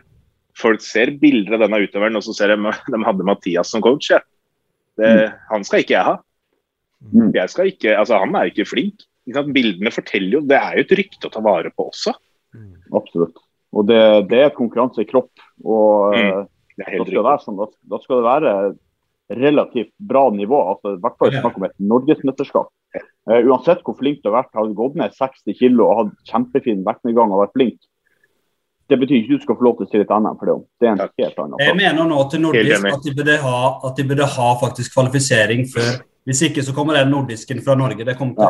Jeg hører at det er så mange som kommer til å dra til nordisk nå, at jeg, jeg bare tenker å nei, å nei, å nei. Det her kommer ikke til å ende bra. Så jeg, det, det jeg håper noen fra styret hører, eller vurderer faktisk å sende en melding og si at vær så snill, kjør en kvalifisering med to-tre internasjonale dommere som faktisk ser på formen til de atletene som skal dra til nordisk. Det holder med Kim. Det holder med Kim. Send en videosnutt i hvert fall, et eller annet. Ja, ja. ja, sånn, det, det, trenger ikke være oppmøte. Sånn, bare, det er ikke mye som skal Sånn som det var til VM i fjor, f.eks. Ja. Eller noe sånt. Eh, det, det, er nordisk det er snakk om her. Vi skal jo stille for landet vårt. Og da, da, bør det kreves litt. Mm. Ja, absolutt. Det er BB som har eh, åpna opp for alle for at de sliter litt økonomisk. Eh, så da er det flatt jern. Alle kan mm. komme. Så da blir det på en måte jeg vet ikke hva de har tenkt. Jeg syns det er bare tåpelig. For at det, det stevnet som har vært i, Nord i, eh, Finland, har alltid på en måte vært de beste. Har pleid å dra dit for å stille. Mm. Mm. Sånn, for, å, for å uh, runde av den diskusjonen angående coacher litt, da. Hva, hva, er da greit Eller hvor mye er greit å betale i en oppkjøring? Si da tre måneder. Hvor mye er egentlig innenfor å betale? Tre måneder, 69 000, tenker jeg. Så 69, eller sa du, 6, eller sa du 69? Nei, 6 til 9. Ja, 6 til 9. Jeg tenkte Kødder han, eller? Skjønte dere på latteren deres at det var det dere Ja. Jeg er helt enig. 70 000 er innafor at alle betaler. Nei, seks til Ja. 9000 kroner tenker jeg er greit Ja, det- eh, å betale. Men da skal det være krav til eh, oppfølging, eh, poseringstrening hver uke, annenhver uke. Mm. Eh, det skal være krav til at man på en måte er der for atleten når de trenger det. Og ikke minst at atleten kan ta kontakt eh, innenfor eh, på en måte greie tidspunkter da, og spørre om spørsmål og om de lurer på noe. Mm. Ja. ja, det syns jeg høres veldig fornuftig ut. Det er 2000-3000 kroner i måneden. Det er liksom, det er innafor. Men da når man hører de her, også noen skrekkeksempler på eh, opptil 25 for tre måneder. Det er Hva, er det du får med da? Hva får Ja, det lurer jeg også på. Hva får du for det da? Jeg skal Så da må du jo få alt av produkter og tøy og hotell og alt inkludert, eller? Nei, de gjør ikke det det. Fortell, altså. Jeg har, jeg har hørt uh, den personen som tok 25 000. Der fikk de på en måte to samlinger i Oslo. Det var ikke hotell inkludert. Og så fikk de noe sponstøy, men da hadde den personen blitt sponsa av et firma, sånn at alle atletene fikk tøyet gratis. Eh, og så eh, er det jo på en måte delegat, eh, delegaten, og så er det den oppfølginga, vanlige oppfølginga, da. Men det er jo bare det der med at man kommer på en måte på en side hos en kjendis, og nå er det på en måte Jeg blir coacha av en kjendis. Wow! Liksom nå, nå blir du kjendis sjøl. Men det er jo ikke sånn som er, det er ikke tilfellet. Ja, det er sjukt. Ja, ja, det er sjukt. Jeg er enig med, med Hassan. Jeg rundt, rundt 10 000 kroner er eh, akseptabelt. og da, da er det litt krav til hva du skal kunne få med. Det er som Hassan sier, det er eh, Du bør, om ikke ukentlig, i hvert fall annenhver uke med posering. Du bør få med kostholdsprogram og oppfølging på det, og et treningsprogram. Eh, og jevnlig oppfølging hvor du har en du kan snakke med og få gode råd og tilbakemeldinger fra. Mm. Helt klart. Helt klart. Vi har en kar som følger med her som heter Helge Nilsen. Han eh, er helt enig med oss. Han mener at eh, NM blir gjort til en spøk hvis folk i grei form får stille. Enten vær i form på et NM eller stort show, eller vent til neste sesong. Og det er Mm. Jeg kan gi et eksempel fra hjemlandet Irak. Der har de før eh, alle, mest, alle mesterskap. Nå snakker jeg ikke kun om eh, liksom eh, nasjonale, nasjonale mesterskap, eller hvis du skal på internasjonale mesterskap. Så må alle atletene komme dagen før på innveiinga og vise seg sjøl for dommerne. Og hvis det ikke er i form, så viser dommeren fingeren på døra. Kommer deg til helvete ut. Det kan vi ta med oss. Egentlig så skulle det vært sånn på NM. Jeg mener det skulle vært sånn på NM. Ja. Ja, Det hadde vært en jævla kul greie. Og det hadde også vært med på kanskje dratt opp litt kvaliteten på teamet òg, tenker jeg. At når du faktisk har en dommer som kan sitte der og ta den endelige avgjørelsen, så setter det deg som coach og teamleder i et veldig dårlig lys hvis du har en del utøvere som blir nekta. Ja, ja. mm. Men da Så det, det syns jeg er bra idé.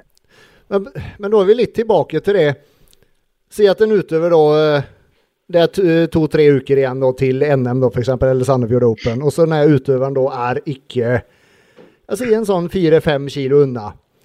Men, og, men denne utøveren da har gjort akkurat som coachen sin har sagt. Har fulgt hver eneste ting. Jobbet så altså, som en slav, ikke sant? Men allikevel ikke kommet i form. Da Det er jo noe coachen må ta på sin egen kappe. da. ja, ja, ikke sant? Men, Hvis men utøveren virkelig har gjort alt det som den skal gjøre. Ja. Men bør, bør da utøveren få tilbake pengene sine, hvis de da ikke får lov å stille? Jeg føler den der er veldig skummel å si, Ja. egentlig snakke om. fordi at Det er der, der blir det litt sånn eh,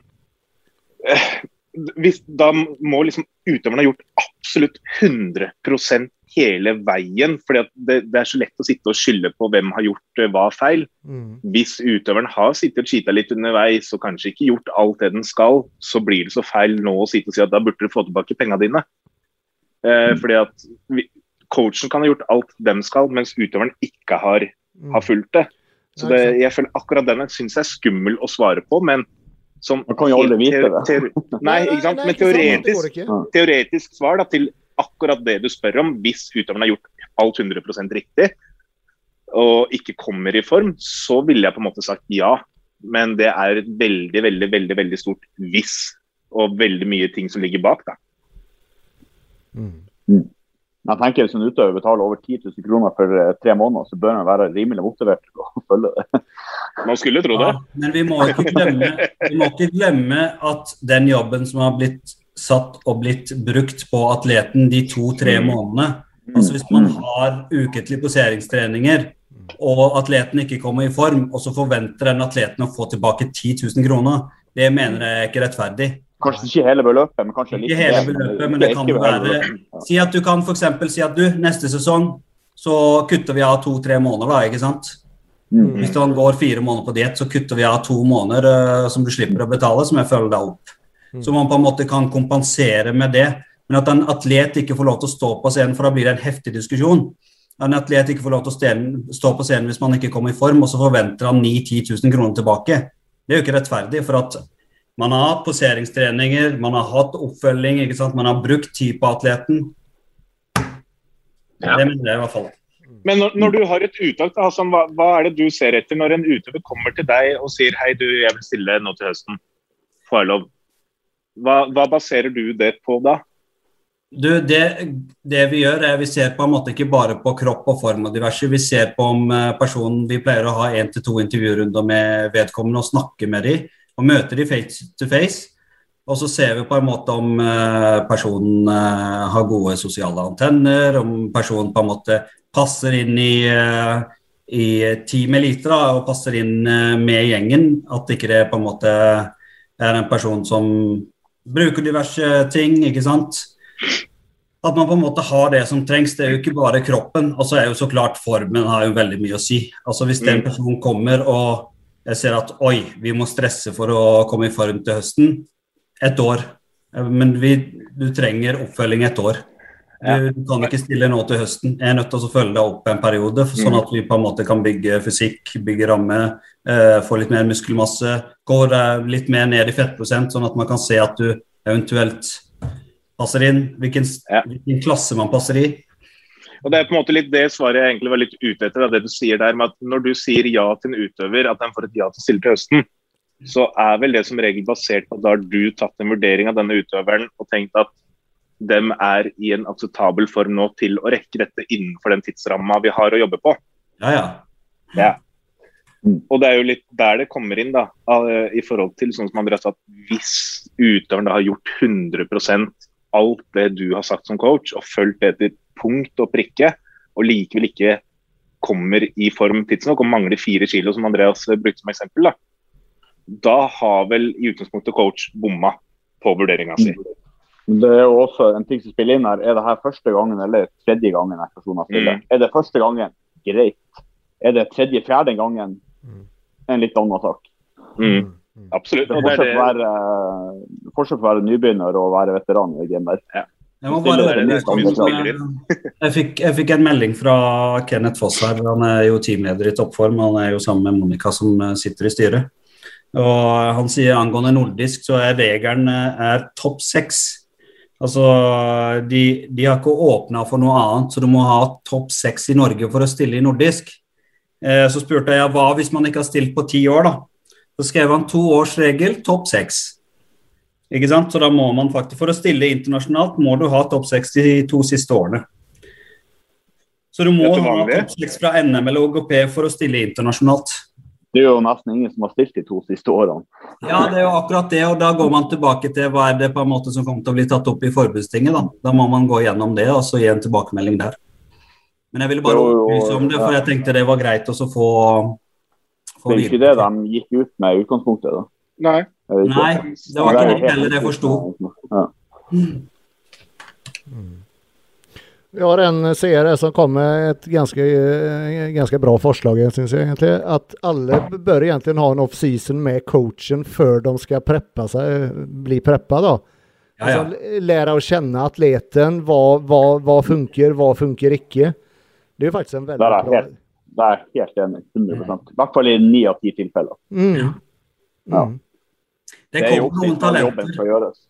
Det kommer noen talenter av og til som er, som er faktisk så bra, som har en del kunnskap fra før av diverse, som, Mm. som gjør at man ikke trenger det. Men eh, som eh, Mathias sier, så ni av ti tilfeller så er det minimum et år. Altså. En annen ting som jeg kommer å tenke på som, som Jeg vet ikke om det faktisk er sånn, eller om det kanskje er sånn på noen steder, men at Man har jo alltid i alle team så er det alltid noen utøvere som er ja, sånn som er har veldig god genetikk, eller er, er veldig, veldig gode, ikke sant? Ja. Men, men på en måte Får de på en måte mer Eller kan det fort være sånn at den utøveren får mer oppmerksomhet fra teamet eller fra coachen enn hva kanskje en annen da, som har veldig dårlig, dårlige forutsetninger får? Ja. At, Ja, det tror jeg. Ja, Altså, man, vi er jo er- mennesker alle sammen. Det er jo nesten Det er jo kanskje dumt å si, men det er nesten naturlig å gjøre det sånn. Det Mm. bør ikke være sånn, men det skjer fort sånn. Nei, for det burde jo egentlig være tvert om, at den, den da som kanskje har de dårligste forutsetningene, burde få mest mulig hjelp, ikke sant? Mm, Ja, det burde. Men, men der skal det også nevnes da, at det er også veldig mye opp til hver enkelt utøver hvor mye hjelp du kan få. For hvis, hvis du som utøver for, sitter stille og ikke sier et eneste ord, og aldri forteller om at du sliter på diett eller du trenger noe oppfølging og lurer på ting, Mm. så kan du heller ikke forvente liksom, at den hjelpa kommer på samme måte som en som faktisk er veldig frampå. Det er sant. Så det er også veldig opp til hver enkelt utøver å kreve litt den hjelpa. Ja, jeg er helt enig. det er vel kanskje ikke rett for sporten å være sjenert på det her. Definitivt ikke. Men det handler jo om et samspill mellom atlet og coach. da. Hvis ikke atleten er ærlig nok med coachen, så klarer faktisk ikke coachen å, å gi på en måte den servicen man har betalt for. Da, da går man tilbake til det der eh, Hvor eh, god service ønsker du? En coach kan jo spørre en atlet ti ganger i uka om han har det bra. Hvis han lyver, så går atleten rundt og tror at eh, så går coachen rundt og tror at atleten har det bra. Selvfølgelig.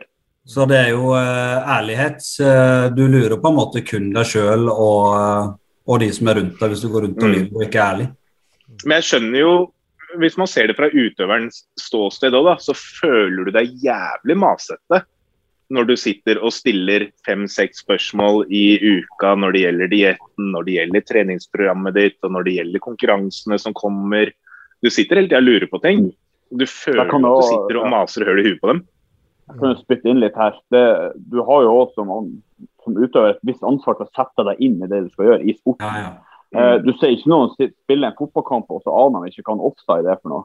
Mm. Ikke sant? Det, det handler om å sette seg litt inn i sporten, sjekke regler, finne ut litt ting på egen hånd. Man skal være litt selvstendig, man skal ikke være avhengig av kurs 24-7. Uansett hvor nybegynner du er. Så det handler litt om å sette seg inn i det. Ja, det er en ting som jeg reagerer på iblant, det at folk som, eh, som da skal stille i sin første konkurranse, de har ikke ens vært og sett på en konkurranse tidligere. Mm. Ikke sant? Aner ikke hvordan det foregår. Nei, nei, det, det, liksom, det bare, jeg blir helt fascinert hver gang jeg hører det. Bare, Hæ, har du aldri ja. sett en konkurranse? Må vi sprayes? ja, ja, ja, ikke sant? Jeg har jeg har opplevd det mye også, når man liksom har hatt uttak med utøvere og liksom spurt hvorfor, eh, hva er det som fikk deg til å stille, hva er liksom grunnen til at du vil på scenen? Og så, eh, Hvilken klasse skal du stille i? Sånn, jeg jeg veit ikke, hvilke klasser finnes det? Da har du lagt et litt dårlig grunnlag for eh, å begynne å konkurrere. Du bør i hvert fall vite hva du ønsker å stille i da, før du dukker opp. Jeg må innrømme at uh, de siste åra har jo vært uh, litt sånn uh, Det som du sa, det der Instagram, Facebook-bilder, litt sånn folk som bare har lyst til å stille for å ha bilder og få ha gjort det, det har på en måte eksplodert. Det har vært en graf Mm. som bare har gått rett opp i taket. Det er litt synd også, selv om det er på en måte bra for sporten, for da får man på en måte det litt ut til befolkninga her. Men, men det er litt synd også, for det drar med seg en del negative ting, da. Og Det er jo det samme som dere snakker om, at folk som faktisk ikke har eh, vært på en konkurranse før, eller ikke vet hvordan man skal ta en dobbel biceps, liksom. Det, det er veldig Ja, det er veldig dårlig. Men det er veldig, det er veldig synd. Jeg skulle ønske at, at NM kunne på en måte blitt kjørt som en strongman-konkurranse. da. Eh, I utlandet, si f.eks. på TV. At det, det hadde vært litt sånn eh, likestilling mellom mellom ski og, og bodybuilding eller fitness, da hadde det vært noe helt annet. Men det er jo ikke sånn det er i Norge. Nei, dessverre. Jeg må bare gå og pisse, for jeg glemte å gå og pisse før vi skulle kjøre i gang. Så dere får bare holde eh, talken i gang her. Ja. Hvordan går det med dietten. Mathias? Ja, liten blære. Jeg er gammel. Hvordan går det med dietten din nå? Nei, det går fint. Jeg har noe kylling med risen her. går nå sakte, men sikkert ned. Eller det går litt fort i starten nå, da. Jeg er jo under 100 kilo allerede. Ja, hvor mange kilo har mye bedre. da? Hva? Hvor mange kilo har du gått ned da? Altså, helt ifra jeg starta, så har jeg allerede gått ned åtte. Men det er jo fem av dem forsvant jo på tre dager. Ja, ja, ja. Så det er jo- en del som slipper i Så begynnelsen. gått, Så. gått ned litt nå- man føler seg lettere, og alt går egentlig mye lettere sånn sett. Hverdagslig. er en du har vel en del atleter du følger nå, har du ikke det? Ja, et par-tre stykker til høsten i hvert fall. da. Så er noen som skal vente litt til. Spennende. Men du Marius, du bare går av dietten, og så er det kun da så du eh, fikk et snap eller noe at eh, du spiste donuts og koste deg? Du, den, den donuten var ikke min engang. Jeg kjøpte, jeg var på, bort på Bjørvika i stad, og så var det en eh, måke som oppførte seg jævla pent og ikke skreik og ingenting. Så jeg fikk litt vondt av den, så jeg gikk og kjøpte donuten. Du er så gal. Så, så den donuten var ikke til meg. Jeg spiste ikke donut engang. Jeg skammer meg litt grann, egentlig. Ja, det burde du. Jeg skal ha donut i morgen, så da reiser jeg faktisk eh, 60 km kun for å få donut, så Ja, Hawker. gleder meg. Hæ? Coker? Nei, jeg husker ikke hva de heter for noe, men det er en, eh, en butikk i Kristiansand som er lager noen sinnssyke donuts. Det er helt ville. Så, Ja, da blir eh, fuglene glad. Ja, ja, ja. Jeg mener at, jeg mener at jeg har fortjent det, i hvert fall. Ja, det er viktig å kunne kose seg litt. Det er sånn Ja, absolutt. Altså, når man kjører så hardt, så er det liksom sånn når man har eh, to-tre timer med på en måte et eh, spisevindu, eller man har en dag med cheat av og til, det, det ødelegger ikke. Det er hva man gjør på de fire-fem månedene som har noe å si, ikke hva man gjør den ene lille dagen, den ene lille minuttet. Det er, ikke, det er det folk er nødt til å forstå. at altså Går du på diett i fire-fem måneder og du har lyst til å være i knallform til sommeren, så er det faktisk lov å slippe seg løs eller ta seg et eh, god familiemåltid eller ta seg noen øl eller en glass med vin eller konjakk eh, av og til. Det er ikke verdens undergang, altså. På samme måte som man ikke kommer i form av å spise en salat, så, du ikke i for, eller så blir du ikke i dårlig form av å spise et dårlig måltid eller en konjakk, som du sier. ikke sant? Helt enig, Andreas. Og Der er det veldig mange på en måte som, eh, som misforstår det. og Flesteparten av de som spør om hjelp nå til dags, har fått ekstremt mye folk som spør om uh, hvordan man skal sette opp maten. og hvor og Så spør jeg hva ligger du på nå? Nei, jeg ligger på mellom 1500 og 2000 kalorier. Og det er faktisk mannfolk som veier 90 kilo og har en fysisk jobb. Altså, Du er ikke mannen som ligger på 1500. Du er et ett, ett måltid det. Ja, det er jo et måltid, men altså, folk, eh, altså, aktivitetsnivået er jo annerledes. Og hvordan folk på en måte, hverdagen til folk og hvordan de spiser, er veldig annerledes. Men skal du Oi, jeg har stagnert, jeg skjønner ikke hva jeg gjør galt. Ikke sant? Man skal faktisk ikke ymse av det, Mathias, for det er veldig mange som gjør det. Veldig mange som spiser altfor lite, og så går de på en Tror de at de går på en De går på en altfor hard diett. Istedenfor på en Ja, måte det, å spise opp til det veldig 3000-4000 mange. Det er- spise seg opp til 3000-4000 kalorier for så å kutte gradvis nedover. Ikke sant? Mm. Ja, nå ligger på 1500 kalorier, og du går ikke ned, og du skjønner på en måte ikke hvorfor kroppen ikke slipper fett. Da brenner du karben og proteinene du har i kroppen først. Det er jo på en måte overlevelsesinstinktet i kroppen slår inn, og da holder den siste som slipper da, er fett, eh, fettmassen. Så da spiser du opp muskulaturen din først, og så blir du sittende igjen med den her lille, lille eh, klumpen du har under navlen. Det är deilige som sitter der. Hæ? Åh, det er fantastisk. Ja, ja, ja. Det er deilig. Det er godt å ha den der òg. Eh, man er trenger ikke kun ha sixpack året rundt. og det, det er jo det det er med Instagram, og vi har snakka en del med Instagram og folk på en måte som må, skal ha bilder på Instagram. altså vi sender jo også veldig sånn der eh, dårlig miksa signaler til ungdommen nå til dags. Eh, og det er veldig mange sånn 16-17-18-åringer som jeg har eh, jobba med og, og snakka med og får meldinger av, ikke minst på Instagram, som har dårlig selvbilde og dårlig selvtillit. Det er jo faktisk begrunna de sosiale mediene. og hvordan eh, vi fremstiller oss sjøl. Altså tre fjerdedeler av de bildene som blir lagt ut, er fra scener når du var i god form. Eh, sjeldent jeg ser en person som legger ut eh, bilde av en eh, julenissemage. Ja, det, det, er veldig sant. Men det merker jeg jo selv også. Hvis man skal Eller tar et bilde da du skal legge ut på Instagram, ikke sant? Hvis du ikke er helt fornøyd med bildet, da flytter du deg litt så det er litt bedre lys, ja, ja. ikke sant? Og tar et annet bilde. Du legger liksom ikke ut det første eh, du tar, som regel. Du tar noen stykker og ser hvor ser jeg best ut, ikke sant? Men det er sånn samfunnet har blitt nå, da. Altså, det er liksom det den sosiale, sosiale mediene har gjort, faktisk, at, at de 16-17-åringene, og det er veldig mange som får spiseforstyrrelser, og som på en måte sliter med en del uh, psykiske, psykiske, lidelser. Fordi at det er så ekstremt sosialt press på det ytre skallet, og hvordan man på en måte ser ut. Og det er jo, uh, ser jo støtt og stadig, vi snakka jo om det på en måte, og det ble sendt Altså folk som er der ute, og hvordan de ser ut. Hvordan de på en måte klarer å presse seg så hardt ned at det er kun skinn og bein igjen. Det er, så, det er så utrolig vondt å se på. Hvor vondt kan den personen ha det med seg sjøl? Ja, nei, vi, vi, har jo noen skrekkeksempler der. Mm. Det, det, det, er jo litt, litt, av neste tema vi har tenkt å snakke om. Ja. Eh, men før vi begynner med det, så tenkte jeg bare vi skulle kjøre forrige ukes giveaway. giveaway. Ja. For den, den, kom jo helt til sist uh, forrige gang, og nå er det ikke så mange Jeg tror bare vi har, vi har tre stykker som har eh, Som har liksom deltatt i, i den giveawayen, så jeg tenkte at vi tar det litt tidligere nå. Uh, så vi skal se. Nå skal jeg ta og dele skjermen min her igjen, hvis jeg nå greier det. Uh, faen var det Skal vi se Der. Og så har vi Der. Og så skal jeg også bare dele på uh, Så de som ser på, også ser samme sak som vi. Skal vi se der.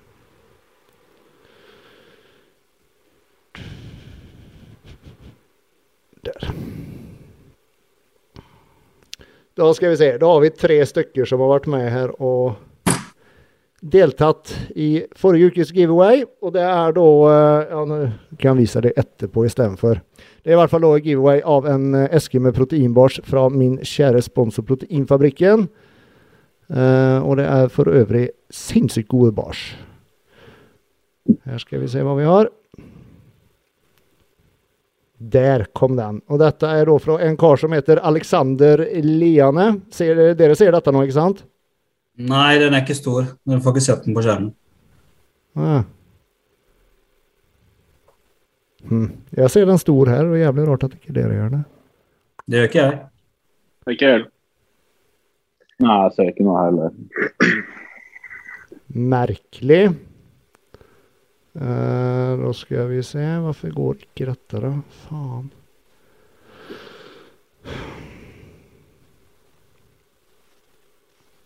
Å oh, ja. Nå, da? Nei. Der, da? Ser dere nå? Nei. Fortsatt inne i mappa. Men helvete, da. Hvis okay. du legger ned mappa, ligger den bak? Mm. Herregud, da. Skal vi se Nei, det går ikke der heller. Faen, da. Det gikk ned og prøvde i stad. Nei. Uh, vi prøver en gang til. Ja, vi gjør sånn her, da. Nå, da? Der, vet du. Der! Jeg! Sånn, og så skal vi se, nå må jeg bare endre litt her også. Så at Skal vi se Der. Sånn. Nå ser alle som ser på også. Da uh, Skal vi se, nå går jeg dit Nei. Jo. Ja. Her er det for Alexander Liane utrolig mye bra i denne podkasten. Du bør sjekke ut om du liker trening. At dere snakker om mental helse, er utrolig bra. Altfor få menn som snakker om dette. Og det har vi faktisk Eller jeg har, og jeg vet noen av dere også har fått veldig mange tilbakemeldinger på akkurat det. Mm. Jeg syns det var veldig greit at vi tok opp nettopp det. Eh, både viktige temaer, humor og mye å lære innen trening her. Gleder meg til neste episode. Veldig gøy. og Sånne tilbakemeldinger liker vi veldig godt. Absolutt. Eh, og så skal vi se om vi kan bytte bilde, da. Faen. Om vi gjør sånn, tenker jeg. Ser dere det nå? Nei. Nei. Samme bilde ennå. Herregud, da. Vi skal se. Jeg tror jeg må gjøre sånn her. Eh, der, og så må vi gjøre sånn her. Det skal ikke være lett. Ser dere den nå? Nei. Nei. Faen, da! Samme opplegget som i stad. Ja, nå, da. Nå ser du det. Nå, vet du. Yes! Det er fra Fitness-Rosita, som faktisk trener på Kalibergum, vet jeg. Ja. Ut på tur og høre på Gutta Krutt. Det var den. Og så må jeg eh, styre litt her igjen. Øvelse gjør mester, Andreas. Ja. Sånn er det. Lærer så lenge man lever. Og så har vi Ja, en, en til her. Uh, og så gjør vi sånn. Uh, der. Og dette er fra Sol Garberg, som starter dagen med, med disse fire på sengekanten. Det ja, er så moro å høre på folk med masse erfaring. Hyggelig. Hyggelig.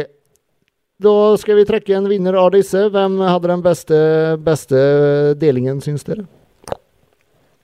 Jeg mener den første. eh, Alexander. Mm. Alexander? Ja. Ja. Vi er vel enige alle sammen der. Gratulerer, Alexander Liane. Du har vunnet en eske med eh, Big 100 bar fra Proteinfabrikken. Eh, jeg skal straks ta den opp her på screenen. Skal vi se, skal jeg bare komme meg tilbake til uh, Der. Sånn. Og så Da er det altså en slik eske med Big 100 bar fra Proteinfabrikken. Sinnssykt gode bars. Eh, du skal få en melding av meg, så eh, vet du hva du skal gjøre for å få den tilsendt i posten. Eh, og vi kjører jo også en giveaway til neste uke. Så eh, det har vært veldig gøy om så mange som mulig deltar i dette. Liksom, skriv en caption om, om du ser på dette. Eh, tagg eh, Hassan, tagg meg, tagg eh, Flisa, tagg Mathias. Tagg eh, proteinfabrikken understrek no og i form understrek no, så er du med i trekningen av en sånn. Da går vi videre. Går vi videre. Vi, vi har jo snakka litt på eh, i eh, hva skal si, gruppechatten vår angående hva som er eh, sunt og usunt i forhold til fettprosent. Eh, og, og vi alle er jo enige om at det er jævlig kult å være i konkurranseform. Mm. Men sen, sen at sunt? Nei, det er det ikke. Og det er jo ingen av oss, eller det er jo veldig få som går rundt sånn året rundt. Det er noen som gjør det, men det er ikke sunt. Men sen er det også noen som går rundt i, ja, hva skal man si, sneppet videre etter konkurranseform, som er altså fullstendig skrapa. Og når du da er jente i tillegg, da, da begynner det å bli litt uh, ille. Ja, i hvert fall med tanke på uh, den hormonelle produksjonen i kroppen. ikke sant? At man uh, mister det månedlige. og Det er jo veldig normalt at jenter når de er så lav på fettprosenten, så mister de jo på en måte det månedlige. ikke sant? Så da skjer det jo et eller annet. Det er jo en prosess i kroppen som en jente må igjennom. Og det kan ikke være heldig. Nå er ikke jeg lege eller ekspert på det der eh, feltet der, men det kan ikke være heldig for kroppen. Da måtte også gå så lavt på fettprosenten over tid. Altså Vi gjør dette her, og vi går på en måte tre, fire, fem, seks måneder på diett for å stå én dag på scenen eller to-tre konkurranser, ikke sant? og så er man ferdig. Og så spiser man seg litt opp. Man må spise seg 5-10-15 kilo opp. Men å gå sånn året rundt, da, da, går man, da bikker man faktisk over til en spiseforstyrrelse, mener jeg. Mm. Og er, eh, Da sender man også veldig veldig dårlige signaler hvis når man legger ut bilder at man er i sceneform året rundt. Det er den yngre, yngre generasjonen som vokser opp nå. Det er veldig mange som følger med på oss. Veldig mange som ser opp til fitnessatleter. Så det er liksom de signalene man sender. Det er viktig å få fram at vi ser ikke ut Vi ser ikke ut som vi er på scenen konstant. Vi har faktisk litt fett og belly på magen, så det er litt fett her. Det er, eh, det er lov til å legge på seg litt. Det er ikke normalt å være helt skrapa. Det er litt som vi snakka om i stad, det å Men det er, det er tilbake det igjen, det å faktisk kanskje da tørre å legge ut bilder når man ikke er Eller se, se bra ut, da, når man ser på en måte Men det er det, vi, vi som holder på med dette, vi blir jo så fucka i huet på hva, hva som er normalt, og hva som på en måte ikke er normalt, da. Jeg husker For noen år siden så la jeg ut et bilde på Team Elite Norway der jeg har uh, oppblåst mage og med juletreet bak. Uh, skal vi se hvor det ligger, det er veldig langt tilbake. Det er noen år siden. Da, da var jeg jo på en måte ganske stor, men jeg hadde bra mage, og så var jeg litt sjuk i tillegg. Så, eh, det er liksom det der med å prøve å vise at man går ikke rundt og er i form året rundt. Det er det folk er nødt til å forstå. Det er ikke normalt. Det er ikke normalt å gå på 1500 og 2000 kalorier året rundt eller 2500 kalorier og kun spise ren mat også. Man må jo kunne unne seg litt og leve som normale mennesker. Ja. Det er eh, Jeg synes det er viktig å, å skille mellom dem som faktisk gjør det som du sier nå, og, og tyner seg året rundt og ligger på så lave kalorier, og dem som er genetisk anlagt og, og spiser mye mat og, og, og nesten er i sinneform kanskje to-tre kilo unna. Det, det finnes dem òg. mm. Og hvis vi skal ikke svartmale alle, men selvfølgelig, jeg, jeg skjønner opplegget. Mm. Vi ser jo veldig mye opp til de her proffene og på en måte de som, eh, de som lever av dette her. Eh, Det er veldig, veldig få av de som legger ut bilder at de tar en cookie eller en muffinspamp eh, før hver økt. ikke sant, og sånne ting. Nå har det blitt litt oftere at de gjør det. ikke sant, Se på en del av de her motivasjonsfilmene til f.eks. Rich Piano eller et eller annet. Han driver og grur i seg cookies og muffins. Det er faktisk sånn i det miljøet. Det er ikke det at man, eh, at man spiser, sitter og spiser kylling og ris offseason eh, året rundt. Og da snakker jeg til guttene, da. Og samme til jentene. altså det er, det er lov til å ha litt ekstra fett på kroppen og ha litt former. Eh, jeg har ikke vært borti en gutt som liker en jente som er helt skrapa som er i sceneform. altså. Det må jeg ærlig innrømme å si at det er jo ikke, selv om det er estetisk og fint, men å gå sånn, nei. Altså, du ser nesten ut som en mann og er i knallform, liksom. Det er ikke Nei. Nei. Ja, det, det er litt vanskelig. Jeg husker, jeg husker eh, Det her er tilbake i eh, fan kan det være 2003 eller noe sånt. Så var jeg på eh, ja, Hvor faen var jeg da hen? Det var Det var et eller annet eh, stevne i Sverige. Eh, I hvert fall så var, så var Dexter Jackson eh, da gjestebesøk der. Og det er jo langt da for Facebook og Instagram og alt det der. Og Jeg hadde da sett eh, noen videofilmer med han da fra Olympia og liksom sett han i bladene og alt dette. ikke sant? Alltid da i, i knallform. Men så her, da Faen, han var nesten litt småtjukk. Bare Oh my god! Så jeg liksom da sto og snakka litt med, med han backstage. Prøvde å få han å ta av seg T-skjorta si, så jeg fikk tatt noen bilder av ham, men det ville han ikke. men, men da husker jeg, da var han Det var så vidt du så absa hans, altså. Men Andreas, du har vært noen, år i gamet nå. Mm. Altså Med tanke på offseason før kontra offseason nå. Mm. Nå er det liksom sånn Offseason nå så må du nesten ha sixpack. Mm. I gamle dager så tenker jeg liksom når det var offseason, så skulle du legge på deg Ja, ja. 15 kilo for oss mannfolk, liksom. Ja, ja. det som var 2030 2030 òg. Det, Ja, ja. det, det, det er kjempestor forskjell. Eh, man ser så mange som er i god form. Jeg syns alle mer eller mindre er i god form nå. Bare sånn den formen som Det, Mathias, som det handler jo mer med at vi har jo litt mer peiling enn før. Altså, man må ikke bulke lenger. Jeg hater det ordet bulk, men eh, vi bruker det ordet. Man må ikke bulke lenger for å bygge muskler. Selvfølgelig må du legge Mm. på deg litt ekstra, men det er ikke nødvendig å gå opp 20-30 kilo i, i, fett og vann for å bygge. Det finnes jo en gyllen middelvei, da. Mm. Gjør det jo. Og det er jo som vi har nevnt mange ganger tidligere òg, det er i offseason all jobben gjøres. Det er der du bygger muskler. Det er der du legger grunnlaget. Det, da skal du spise litt mindre mat en periode. Mm. Men da detter vi Og, tilbake til de signalene, Mathias, med tanke på Ja. den eh, yngre generasjonen. da. Ikke sant? Som faktisk har det der eh, så ekstreme sosiale presset at man må ha sixpack eh, for å på en måte bli akseptert eller få se bra ut. Men samtidig så føler jeg ikke jeg at eh, det, det er ikke alltid fitnessutøvere som står for det største kroppspresset. Det er vel mer en influensergarden som gjør det. Altså, de fleste utøvere innen fitness vi går opp litt offseason. Uh, vi gjør jo det. det.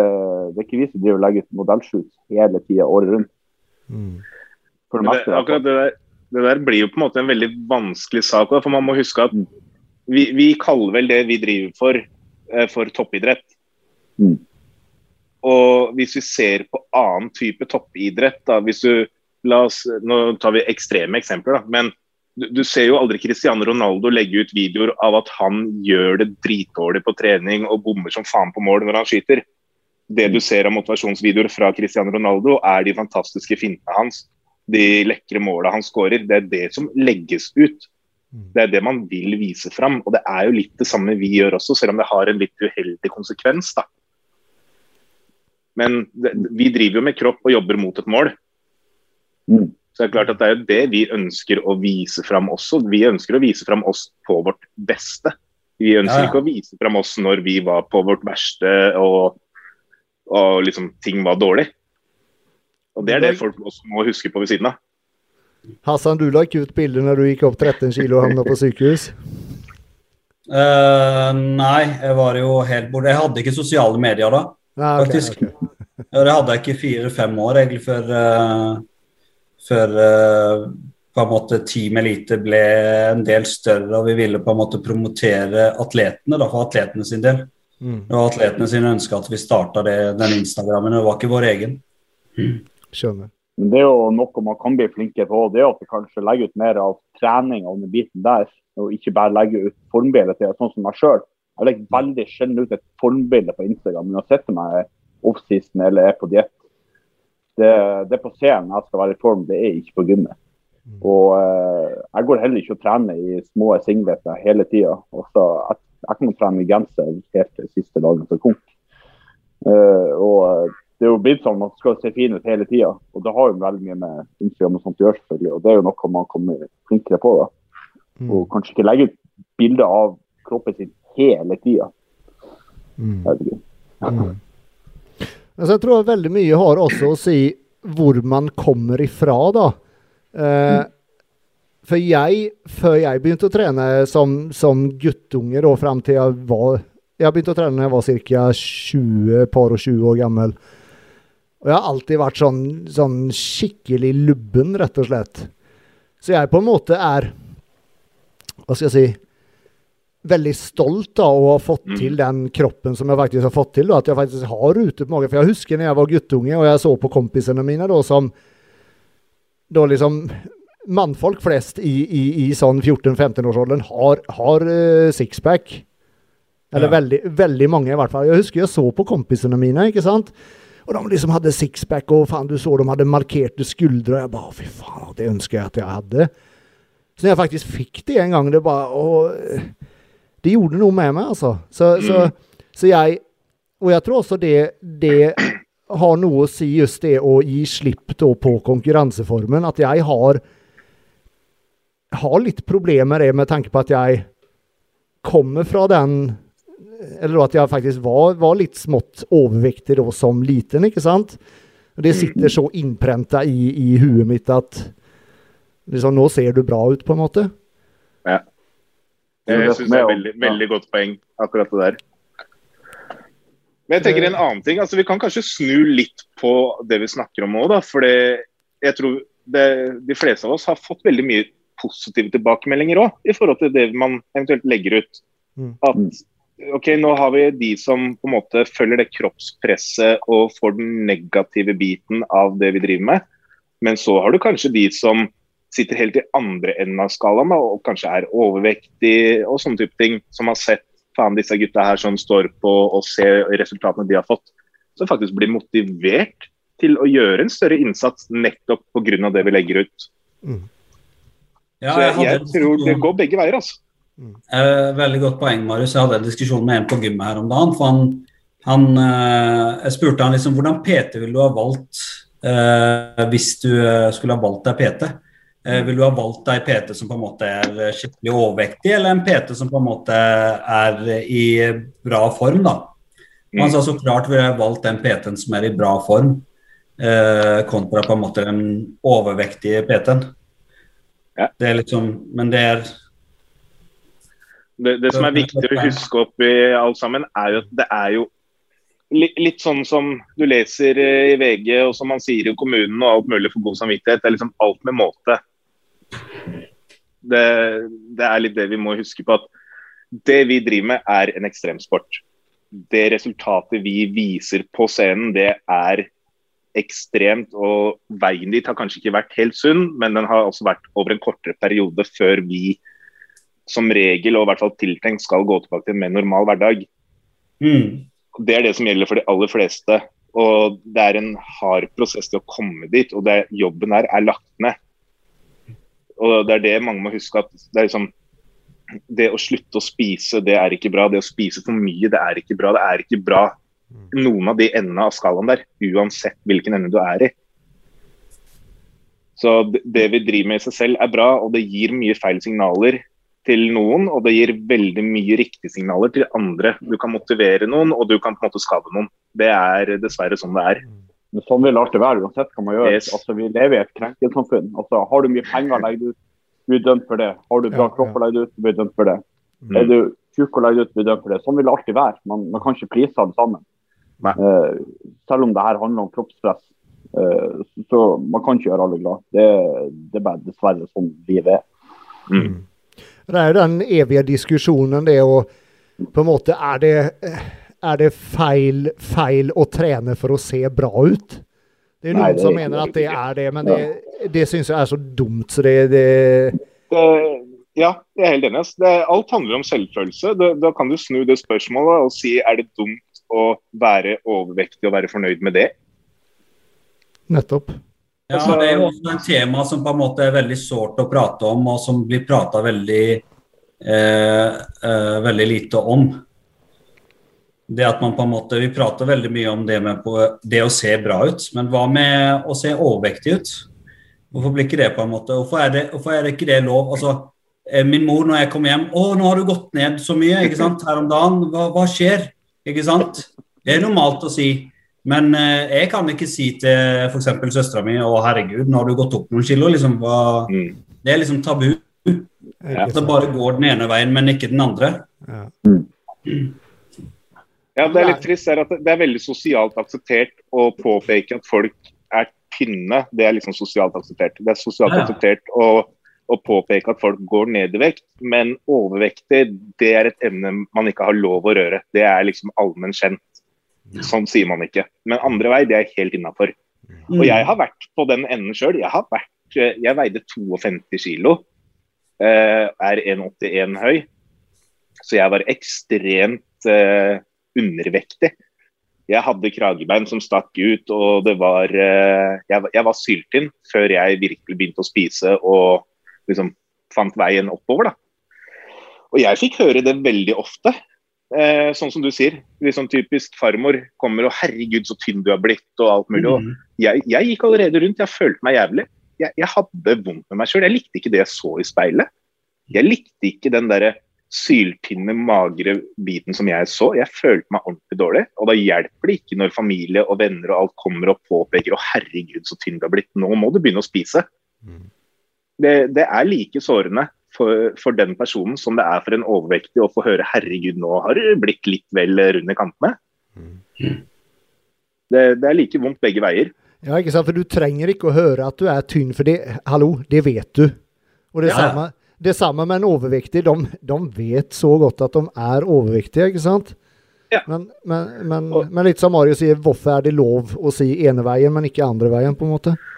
Jeg tenker akkurat den biten der, da. Hvis hvis jeg hadde vært dritfornøyd med meg sjøl med å være så tynn, hvem er det som gir deg rett til å komme og påpeke at jeg ikke ser fin ut sånn som jeg gjør? Og det, det gjelder på alle kilo, føler jeg. Det er liksom det, det er veldig mye kroppsfokus i alle mulige retninger. Og jeg har hørt veldig mange snakker om det, spesielt i forhold til å dra på et treningssenter og sånne ting, at en syns det er ubehagelig hvis du er litt overvektig å komme dit fordi at du føler at folk ser ned på deg og sånn. Jeg merker for min del når jeg ser overvektige på et treningssenter som kommer dit og tar tak, jeg blir, jeg blir oppriktig glad og stolt på dems vegne. For jeg syns det er så fantastisk at hvis det plager den personen å se sånn ut, så gjør de noe med det. Hvis du trives sånn som du ser ut, så er det fantastisk. Alt handler om selvfølelse og hvordan du har det med deg selv sånn som du er. Marius, det gjelder begge veiene. Det er både tynt og på en måte overvektig. da. Absolutt. Begge to sitter med den samme følelsen når de skal inn i gymmet. Jeg husker jo meg sjøl når jeg skulle på en måte inn og trene og bli mm. stor og sterk. ikke sant? For jeg var selv om jeg alltid var grisemarkert, hadde tverrstriper på skuldre og triceps, og da da trente jeg kun fotball og håndball og karate, liksom. Ikke noe mer enn det. Du var den jeg var misunnelig på da jeg var ung. Hæ? Du, du, var den jeg var misunnelig på da jeg var guttunge. Ja, ikke sant? Men jeg var misunnelig på de som var store og høye og ikke sant, Kommer den lille dvergen eh, på, som veide 50 kg, var jo knallform, men, men jeg tenkte man må alltid ha noe annet. Man, man sikter jo alltid mot noe annet. Men da når jeg starta på gymmet, så jeg husker den, der, den dagen der, den dørterskelen der, og så gå over den terskelen og gå inn. Tok på meg en skikkelig stor genser for å se litt større ut enn det jeg var. Samme med overvektige, de har det på samme måte. De går inn på på gymmet og har en ekstra stor genser for å gjemme de ekstra valkene. Hvorfor er det ikke akseptert å på en måte kun være seg sjøl? Hvorfor er på en måte det ytre skallet så Hvorfor har det så ekstremt mye å si i dagens samfunn? Og da er vi tilbake til sosiale medier. Mm. Alt henger på sosiale medier, og hva det på en måte innebærer, og hvordan vi på en måte promoterer oss sjøl. Alle vil jo se ut på best mulig måte, som ender med at folk som eh, ønsker oss å se annerledes ut, ikke har det, ikke har det greit. Mm. Vi har eh, jeg bare, bare sier Helge her skrev en kommentar som jeg faktisk syns var veldig bra. Litt kroppspress må det faktisk være for at ikke folkehelsa skal gå til helvete. Altfor mange som prøver å promotere fedme. Det ligger faktisk veldig mye i det. Ja, han har poeng der. Det har vært mye av det. Ja, det er det. Det, liksom, det er så greit å, å, å, være overvektig. Man skal være fornøyd i den kroppen man er, og etc., eh, etc. Ja, men samtidig så er det jo det er jo mer sunt å faktisk være i, i bedre form, da. Det er jo det. Det er ikke det begge deler. Er man sykler tynn, så er ikke det bra. Er man sykler overvekt, så er ikke det heller bra. Det er, det er like skadelig begge deler. Mm. På sitt vis. Marius, du var på vei å si noe i stad. Jeg avbrøt deg. Uh, ja, altså jeg, jeg, følte liksom bare litt sånn uh, Hva skal jeg si? Følte litt for å på en måte benytte muligheten her nå da, til å liksom om om vi alle er enige om det, kaste en liten shout-out til alle de som, spesielt nå etter korona, vil tilbake til treningssenter. De er ikke i form. Noen er overvektige, og noen er ekstremt tynne, og folk føler seg dritt. Um, som jeg sier, jeg for min del føler veldig på det. Jeg tror kanskje dere også gjør det. Men det med at når, når du er på treningssenter, så kan du egentlig være stolt av deg sjøl fordi mm. du er der. Du har faktisk tatt tak i problemet, enten det er for at du har for mye eller for lite. Du er der for å faktisk gjøre en jobb. Yes. Og jeg synes det er noe alle egentlig skal være stolte av, det at de tar det grepet. Mm. Og ikke tenke så mye over at folk sitter og liksom kritiserer og, og herregud, se den personen er overvektig og den var tynn og alt mulig. Det er derfor du er der. For å gjøre en forandring. Vi må ikke glemme helsa og det som er innvendig der også. Mm. At uh, på en måte Man er jo på en gym ikke bare pga. det ytre skallet, men også for å ha en god helse. Mm. Mm. Just det som Marius sier der, som, som når jeg ser noen som da er, er, på en måte overvektig og er på gymmet og jobber og sliter Jeg har så respekt for de menneskene. Mm. Mm. Helt enig. Det, det, det, det, er hatten av, altså. For de, ja. De, gjør noe med det, ikke sant? Mm. Det er akkurat det. Ja, jeg synes det er så, Det er så gøy å se. Ja, det er så mot, jævla motiverende å se. Jeg husker det faktisk når jeg jobba som, eh, som P2 på Sats uh, litt tilbake. Mm. Det var en kar som hadde gått ned han hadde gått ned 40 kilo. Jeg tror han fortsatt veide rundt 130 kilo eller noe. Mm. Han var ganske så stor, og han satt og rodde i hjel den jævla romaskinen. Mm. Og svetten rant som faen, og han holdt på i over en time og satt og rodde og rodde, og det var høyt tempo, altså. Og jeg kjente det når jeg så han. det var sånn, altså, Jeg, jeg stirra flere ganger fordi at jeg blei så sinnssykt imponert. Eh, ikke, ikke bare pga. vekta, men altså, det tempoet han hadde og den innsatsen han la ned. Så jeg måtte ta meg sjøl i det. at Jeg gikk bort til han etterpå og liksom skrøyt han opp i skyene at fy faen, det der, var, det der er rått, den innsatsen du hadde der. Jeg hadde aldri klart det sjøl. Uansett hvor god form jeg er i. Jeg hadde ligget og spydd og gitt meg lenge før. Mm. Mm. Og det, det syns jeg er litt viktig òg, på en måte. Jeg syns det er en fin ting jeg, å liksom være litt, litt på det. Applaudere folk som gjør en bra innsats og, og står på og kjemper. Uansett hvilke resultat de har der og da, men det er innsatsen de legger ned. Ja, ja, ja, ja, der sier du noe just. Det, det er faktisk innsatsen det kommer, til, kommer an på. Mm. Mm. Det er det. Det har jævlig mye å si, altså. Men det er, eh, ja, nei, igjen, just det da, eh, det her med kroppspress, og man sier at eh, det, det er på en måte feil å promotere at man skal være i bra form, og etc., et cetera, et cetera. Men, men jeg syns ikke det. Ikke i det hele tatt. Nei, jeg, jeg mener at det, bør være, at det bør være god balanse. At, man bør, at samfunnet bør finne en god balanse Mm. mellom Nå snakker jeg generelt eh, om på en måte vår gren og fitnessverden, da. At det bør være en balanse der. Altså Det å være og ha sixpack til sommeren, det er greit og fint og flott, det, men det er ikke alle som har det på vinteren, liksom. Nei. At det bør kanskje kunne promoteres litt mer. Mm. Mm. Mm. Helt klart. Noe mer vi vil drøfte innen dette temaet? Nei, men vi starta jo med det med tanke på spiseforstyrrelser, da. Mm. Ja. Og eh, de ekstreme tilfellene. Nå detter vi tilbake til det vi egentlig skulle snakke om først. men, men det er jo å se sånne bilder og se på en måte en person promotere og tagge og er bare lokk ut med en gang, altså. Uten å nevne navn eller å legge fram noen. Men eh, jeg mener at den personen bør oppsøke hjelp. For at det er, eh, det er så man sender så feil, eh, så feil bilder til de unge. Man skal ikke se sånn ut. Det er ikke normalt. Det er faktisk Du ser ikke sånn ut på scenen engang. Mannfolka, de beste mannfolka som stiller opp på scenen, ser ikke sånn ut. Det, det tror jeg ikke jeg har sett i Norge engang, å være så bra form. Bra eller dårlig form. Det, skal Det er litt det. Det, er det. som er veldig trist. At det er jo Det, det er som du sier, det er, det er jo en sykdom. Ja, ja. er jo en, det er litt, altså vi har jo snakket litt om diverse tilfeller hvor dette har, eh, har gjeldt, men det er jo veldig synd å se når det, når det kommer til det ekstreme. Det vi driver med er ekstremt fra før, og når du ekstremerer det enda mer, da blir det jo ganske Det, det er ikke sunt på noen som helst måte. Det som plager meg, er at det er veldig mange skikkelser i fitnessmiljøet som eh, kommenterer under de bildene. Eh, 'Å, så bra man ser ut', og bla, bla, bla. Altså Mm. det, Tenk dere litt om, da. Det er ikke, Man høster på en måte opp noe Man gir på en måte oppmerksomheten eh, eh, til Men- noe som egentlig ikke er bra i det hele tatt. Nei, men der kommer jo litt det Mathias nevnte òg, da. At det er jo på en måte det samfunnet vi prøver å skape. Det å være flinke til å skryte av hverandre og liksom akseptere åssen folk ser ut. Og, og gi gode ord til en person for å være støttende, da. Ja, men ikke sånn akkurat når det gjelder sykdom, da. Nei, men det, ikke sant? Sånn som Mathias nevnte, så er det jo liksom Det er det som kjempes veldig mye for nå. er liksom det å eh, Vi skal hylle fedme. Og liksom du skal være fornøyd sånn som du ser ut. Og det blir jo på en måte den du tar med den andre veien der også.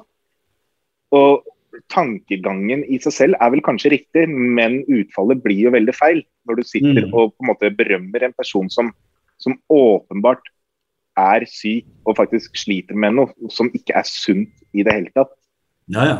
og så blir hun liksom berømma for det. Og så er det ikke sikkert at den personen sitter kanskje ikke og føler det selv, at den er på det over, overdrevne og syke nivået. da. Mm. Så når de får den berømmelsen, så sitter de og liksom føler jøss, jeg, jeg ser virkelig bra ut. Ja. Men Og det, det slår jo litt feil.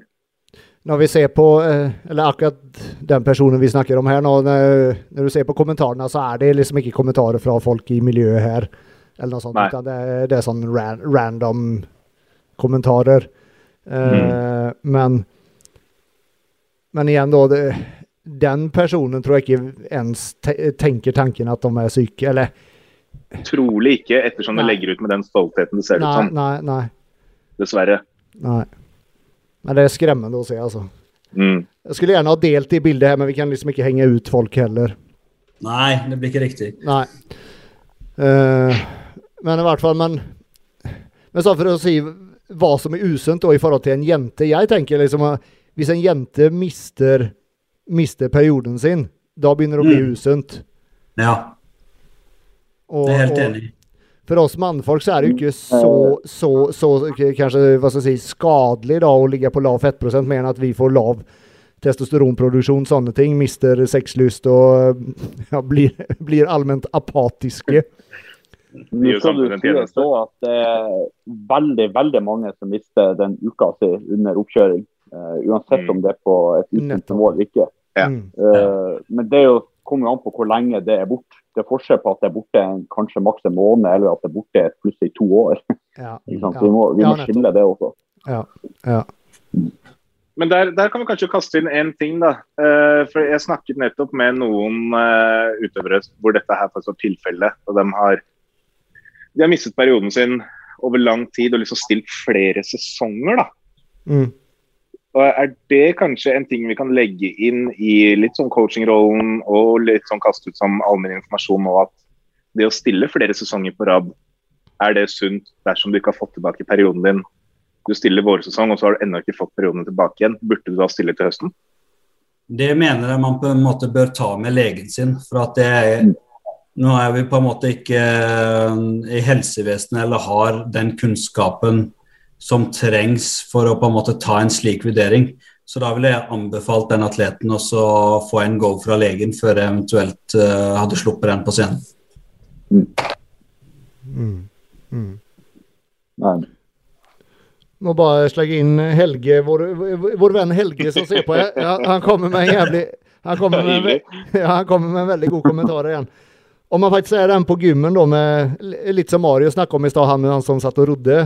Da, om du, du er den då litt vältränte på gymmen, då eller eh, då liksom Gi en god kommentar til, till da, om du ser noen, någon som kanskje ikke er i så veldig god form, men som, så, som legger inn en innsats og, og kjør på, ikke sant? Bare gi noen rosende ord. Det koster så jævla lite å gjøre det. Og det betyr så utrolig mye. Og da kanskje gjerne om det, da, om det kommer fra noen som som er kanskje noen som de ser opp til, da. Mm.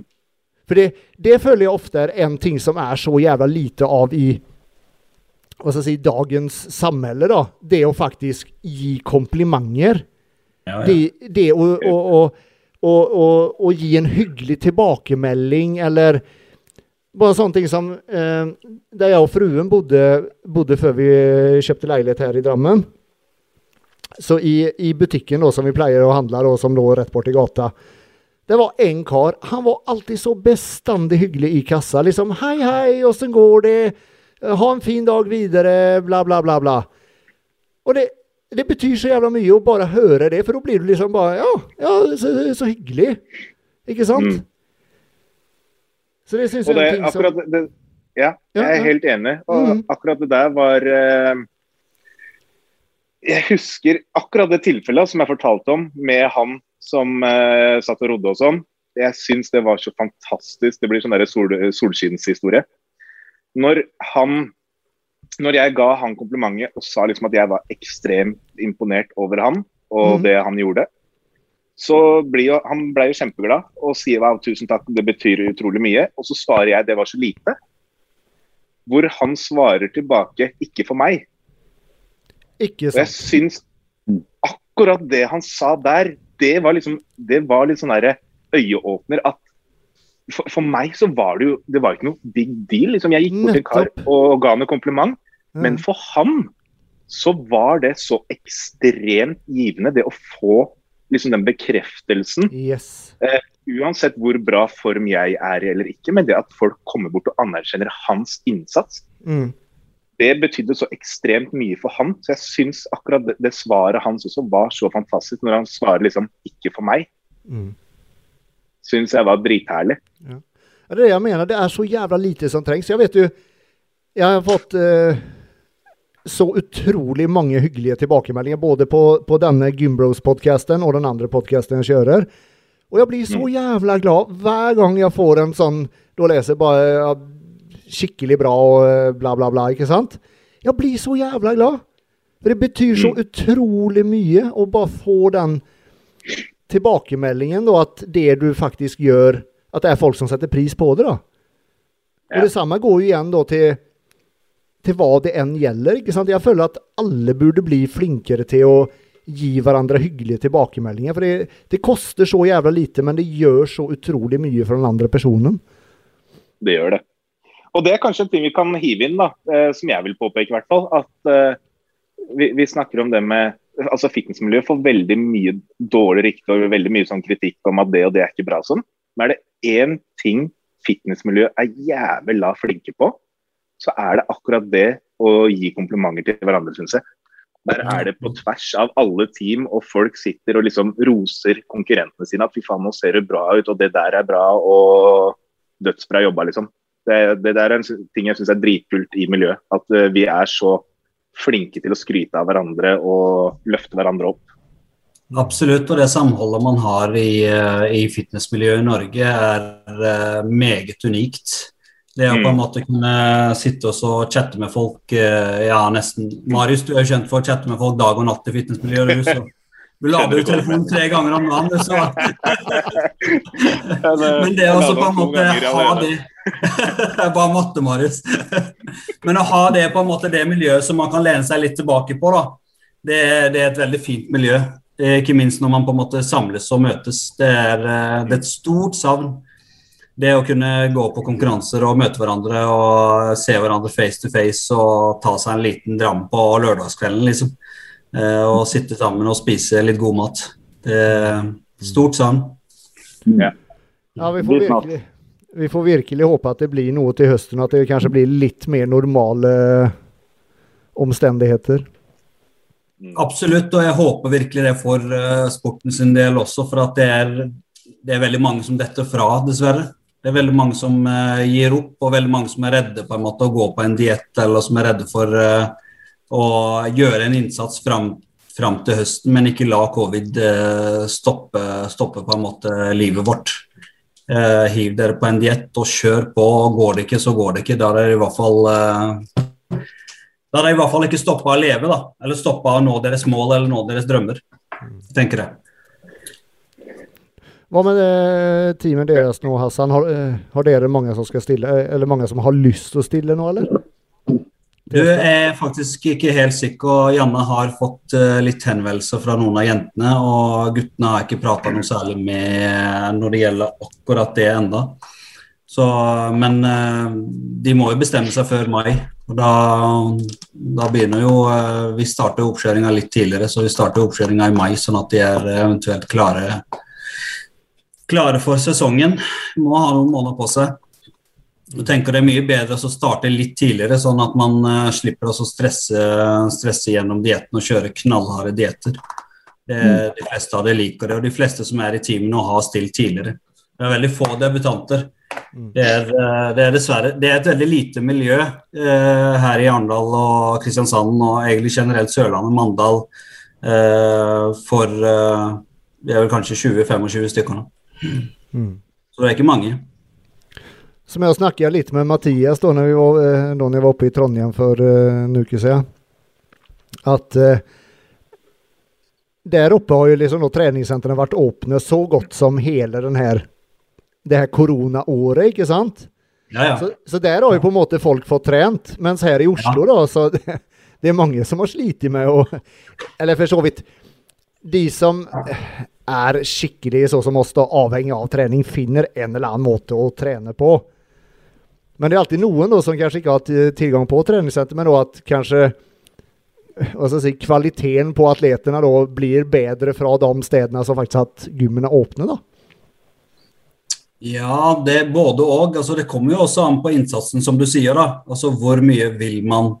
Man får jo tak i hjemmegym, man får, kan lage seg gym. Jeg kjenner jo folk her i området som har laga vektskiver av sement, liksom.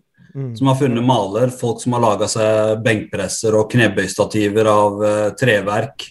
Altså, det er jo liksom uh, Det trenger ikke være en hinder for at gymmet er stengt. Det finnes masse forskjellige løsninger man kan, uh, man kan få til. Mm. Vi vet jo, kjenner jo folk i Oslo som driver og bruker skjellerne til å trene med. ikke sant? Stakkars folk. Løfter de vektskivene opp og ned og stengene opp og ned flere etasjer. Og de her eh, blokkene ikke har noe heis engang. ikke sant? Det er, litt, ja, ja. Det er, eh, det er for, folk, for folk som har lyst til å trene, så er ikke covid en sperre. Det, men det skal sies at det er eh, betraktelig tøffere for de av oss som bor sånn som her i Oslo. Det er flere borettslag som ikke aksepterer at du trener i garasjen f.eks. Det er ikke lov til å gjøre fordi at det er diverse forskrifter rundt og sånne type ting. Vi bor i blokker, så vi har ikke så jævla stor plass som uh, dere ute på landet der med svære hus og diverse. Så det, det blir jo noen utfordringer, og ikke minst da økonomiske, da, med å begynne å kjøpe inn masse utstyr i tillegg. Ja, ja. Så så det er jo ikke noe tvil, det, eh, som Andreas sier der, at det er jo en fordel for de som bor steder hvor det er åpent og har vært tilgang hele tiden. Det er det jo. Ja, Du kommer med Trønderbataljonen sørover. alle, alle pallplasseringer er bak kalibergym. Herregud. Nei, Jeg håper bare det blir et stevne og at vi får kjørt det. Det er, det er på en måte målet. Og så er det jo uh, det store nå som uh, kanskje Jeg har lyst til å prate litt om det. Det med, det med NPC og EBB og at det skal gå på samme dag. Eh, ja, er det spikra, liksom? Er, er den MPC-datoen spikra? Det, det, altså, det, er vel, eh, det, er vel, ingenting som er spikra disse dager fra nå som helst. Nei, nei, men så som det ser ut nå, liksom, at den datoen er satt at så lenge ting er åpent, så skal den NPC-konkurransen være den datoen? Eller? Ja, det ser sånn ut. Det er slik jeg har forstått det, iallfall. Mm. Og det er, eh, Jeg hørte litt på den podkasten med Andreas Thesen og det han sa at før i gamle dager så var det liksom EBB man stilte i NM. Altså Alle var på en måte på ett stevne. ikke sant? Da visste man hvem som var best i Norge i den klassen. Nå blir det på en måte to stevner på samme dag. Der eh, si halvparten av Classic Fysikk-gutta går til NPC for at de tror de kan få et proffkort. Når de faktisk ikke har noe i Classic Fysikk å gjøre. Eh, og, så, og, så, ender det med at eh, Hvem er det egentlig som er eh, norgesmester, da? Det er litt sånn eh, Jeg vet ikke. Det blir, det blir så spennende å se hvordan, eh, hvordan, det går med to forbund. Om det på en måte har eh, om det, det, jo, om det går i det, hele tatt. Det er alltid sunn med konkurranse, men jeg føler Norge er veldig lite per nå til to forbund. Jeg har ikke noe jeg er for begge forbundene, men eh, jeg tror det blir litt mye med, med konkurranse fra begge forbundene i Norge, og spesielt på samme helga. Ja, det er viktig å ta opp med all respekt til begge forbundene. Det er ikke, det er ikke noe negativt mot det er ikke noe negativt retta mot NPC eller EBB. eller nå pra, på en måte prater vi, prater vi bare litt sånn løst om det, og hvordan det kan påvirke fitnessmiljøet i Norge. Fitness- og byggemiljøet i Norge. Det tror jeg, ut ifra hva jeg har sett nå, så virker det som at det kan påvirke veldig negativt. Mm. Nei, jeg er enig i det testen på. Det, det ja. det. Det som jeg tenker på, det er jo uh, han, han Roar Innlagen, som dere alle vet hvem det er. Ja. Han har jo kjørt sitt eget forbund ikke sant? og hatt en del konkurranser da, ikke sant? Men, men uh, hvor mange er det som stiller der? Ja, men nå er jo MPC et helt annet liga. Jo, jo, eh, jo men allikevel. Jeg, jeg, tror det er vanskelig for MPC å, å på, på, en måte slå seg gjennom her. Men du vet, Andreas, proffdrømmen som alle veldig mange drømmer om eh, Jo, jo da. Ja. Eh, altså Jeg har sagt det før, og jeg sier det igjen. Jeg ser så mange som tror de kan bli proffer, men som er langt, langt vekk ifra Det er langt vekk ifra sannheten. Jeg vet ikke hvem som driver og pirker dem på ryggen og forteller at de kan bli en proff. Eh, og så skal de på en måte Prøv dere i eh, NM.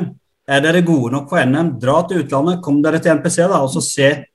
Og se, altså Slå de beste her i Norge, og hvis dere er gode nok for det, så kom dere ut. Så kan dere på en måte gå og ta det proffkortet, om det er NPC eller om det er BB Elite. Det bryr ikke jeg meg om, men uh, jeg har lyst til å se hvem som er best i Norge i alle, alle grenene, og da håper jeg at det blir ett forbund. Mm. Ja, det Se på- ja. Se på Ole, Ole Kristian, for eksempel, da, som begynte i EFBB, ikke sant? Og så Ja, ja. videre, og så vant han proffkortet sitt i en MPC-konkurranse. Liksom begynn, begynn ett sted. Og det var etter hvor mange år? Men hvis, hvis du Nettopp, gjør som. Nettopp. Mm. Ja, det var det. Men hvis du gjør som Hassan sier, da, du, du stiller her i Norge og så slår du alle sammen her du liksom er best og går til MPC, vil det ha noen konsekvens for deg seinere, Hassan? Altså, Man blir jo eh, utestengt fra forbundet. Nå sitter ikke jeg i styret, jeg er kun eh, dommer og teamleder, så jeg har ikke noe med hva Men ut ifra reglene så blir man jo på en måte utestengt i ett år for å stille i konkurranser i, i Regelen, eh, er. Jeg tror det var ett år, jeg. Men det, det er jo litt forskjellig. Der, hvis du løser inn en lisens i IFB samme året som du konkurrerer i NTC, da blir du utestengt. Men sånn, la oss ta meg som eksempel. Jeg har ikke konkurrert i IFB nå og tatt lisens på tre år. Hadde jeg gått i NTC nå, konkurrert nå, OK, så venter jeg til neste år. Da kan jeg løse inn en ny lisens i. Det Men har du gjort det samme året, da blir du utestengt i to år. Så du Mm. må, du må være medlem på en måte når du Ja. konkurrerer? Ah, OK. ok. Mm. Mm. Ja. Sånn som Nå kommer, nye, nå kommer det jo på en måte nye medlemsregistre og diverse som de holder på med nå eh, fra IBB sin side, så alle atletene er nødt til å registrere seg på nytt. og Da blir det, da blir det et litt, eh, en mye bedre system som eh, egentlig vi har drevet og mast på ganske lenge. Eh, hvorfor skal på en måte en Se på fotballforbund, ikke sant. Folk betaler medlemskap hvert år. Hvorfor skal, eh, hvorfor skal ikke vi stille sterkere økonomisk, sånn at vi på en måte etter hvert kanskje kan eh, EBB Norway da, betale for turene til atletene til utlandet? Eller at man gjør som Sverige, at man har på en måte veldig bra økonomi, sånn at vi kan stille med mye større stevner. ikke sant? At man kan gjøre litt mer show, man kan, man kan få litt mer ut av det. Vi må på en måte jobbe sammen. Dette er en dugnad. Alle, jobber, alle styrer jobber frivillig. Vi sitter der frivillig og prater. Dommerne jobber frivillig. Ikke sant? Det er ikke for at vi skal tjene noe penger på det, men det er for at det forbundet skal bli større og bedre. Da. Og at, vi skal kunne, at man skal kunne ta mer vare på atletene og gi dem en mye bedre opplevelse når de konkurrerer. Og Da kommer det inn i bildet det med medlemskap og at det skal bli trukket hvert år. da, og ha et autotrekk der. og det håper Jeg kan ikke skjønne at det ikke er det. Ja, jeg, det har irritert meg i så mange år. Jeg har tatt det opp på forbundstinget i så mange år nå. At det, endelig så, så skjer det. At, det. at det blir gjort. At man faktisk eh, at man faktisk begynner å betale hvert år som et fotballforbund. Sånn at økonomien, eh, økonomien eh, er bedre. Jeg skal bare bryte inn litt. Eh, Jeg har fått en eh, kommentar her, eller jeg har fått masse Det er Helge, eller? Nei, ja, han eh, Helge Nei, Helge har ikke skrevet noe mer. Men uh, Han har dratt på trening nå. skal vi se. Min, Han har dratt på treningene. dere kjenner min kjære kone her. Hun, eh, hun, eh, ja, hun er helt fantastisk. Hun, eh, hun har nå tydeligvis satt i orden et, eh, et helt eget podkaststudio til meg. Oi. Som jeg skal få, som da er i orden til neste gang. Nå går hun og viser der, og det ser veldig stort og fint ut. Eh, dere skjønner at jeg har liksom dratt ut alle disse tingene i stuen hver gang jeg skal kjøre en podkast. Og det slutter med at hun blir eh, skikkelig irritert fordi at det står ting overalt. Og, og jeg får jo en jævla jobb med å sette alt til rette, ikke sant? Men nå skal jeg tydeligvis få et eget studio her. Det er snill kone du har, Ja, Andreas. ja, en veldig snill kone. Jeg, jeg elsker deg, Ja, ja. baby. Ja. Nå blir hun flau. Hun, hun hater å, å, å liksom eh, bli satt i rampelyset. Eh, vi skal se, jeg har fått masse kommentarer. Jeg skal bare kikke litt igjennom her. Eh, Armand eh, Haukås spør hva klubben i Arendal heter, Hassan. Team Elite Norway. Team Elite. Ja, det har faktisk Odin Nutrition svart her. Og så Helge, da, selvfølgelig. 19.9. i utgangspunktet, ja. Eh, skal vi se Skal jeg lese litt her? Jeg må bare flytte mikrofonen her, faen. Jeg ser jo så jævla dårlig, så jeg må jo sitte foran. Uh, skal vi se. Odin Nutrition skriver når vi snakker om skryt, så må jeg få komme med skryt til Trønderen og Kalibergym. Var det for to år siden en helg, og alle var kjempehyggelige der oppe. Han husker det nok ikke, men jeg, men jeg husker det godt. Jo, jeg husker det. OK. Møtte han en søndag. Ja, ok. Og så har vi da Helge igjen. Helge er aktiv i dag. Eh, er jævlig synd at de som faktisk vil til Olympia en dag, eh, eller leve av bodybuilding, må til utlandet for å få konkurrere en gang. Jævlig glad for at NPC kommer til Norge og Norden mer. Ja, men herre min, er du god nok til å kunne stille i MPC, så, eh, så er det Altså, hvor mange er det fra Norge som har stilt til Mr. Olympia, da? Det er eh, Tommy, Geir Borgan, og så Ole. håper vi en dag Ole Kristian Ole Kristian håper jeg kommer til å stå på en scene, og hvis han fortsetter sånn som han gjør nå, så regner jeg med at han gjør det. Ikke Vi har to bikini òg i Olympia. Ja, vi har Ja, to ja. Maureen, Marine. Og, fantastisk eh, og. Kristine Strøm Fjære har også vært i Olympia. Stemmer. Strømfjære, fantastisk. Men det er ikke mange. Men det er ikke mange. Nei. Det er fem stykker jeg kommer på. Mm. Så, eh, men for guds skyld, altså det er Vi snakker ikke stygt om noe forbund, om det er BB eller MPC, det har ingenting å si. Vi snakker om på en måte helhet. Og hvordan, eh, hvordan det kommer til å påvirke fitnessmiljøet. Så ikke misforstå dere som er der ute. Altså MPC er like bra som BB. Jeg har ikke noe imot i MPC. Og jeg sitter og ser på Mr. Olympia hvert år. Det er på en måte høydepunktet i året, det. I bygging. Det Mr. Olympia.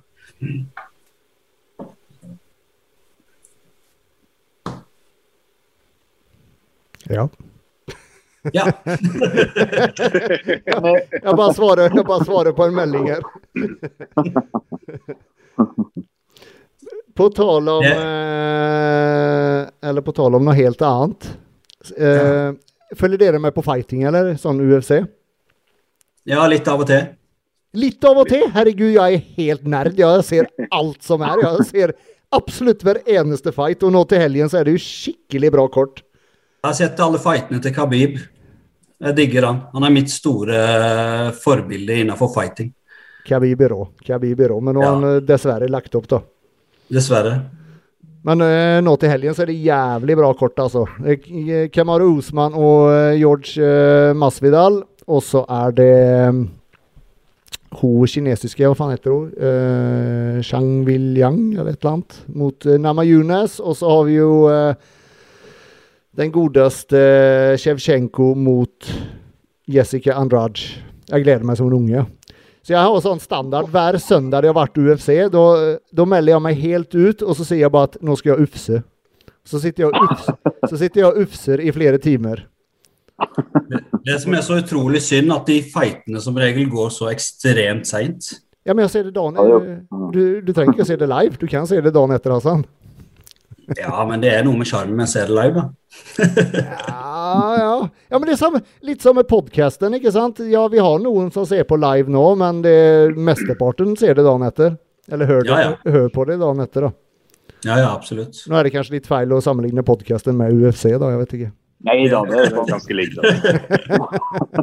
Vi er på samme liga, vi, Andreas. Ja, vi er det. Vi er det. Men du har holdt på litt med fighting, du, Andreas, har du ikke det? Ja, jeg har det. Eh, Jeg har både grappla og drevet med MMA og det som har vært. Men, ja. eh, Slutt- Har du men slutta, eller? Hva skal jeg si? K kroppen sier ifra. Du vet, det er faen vondt overalt.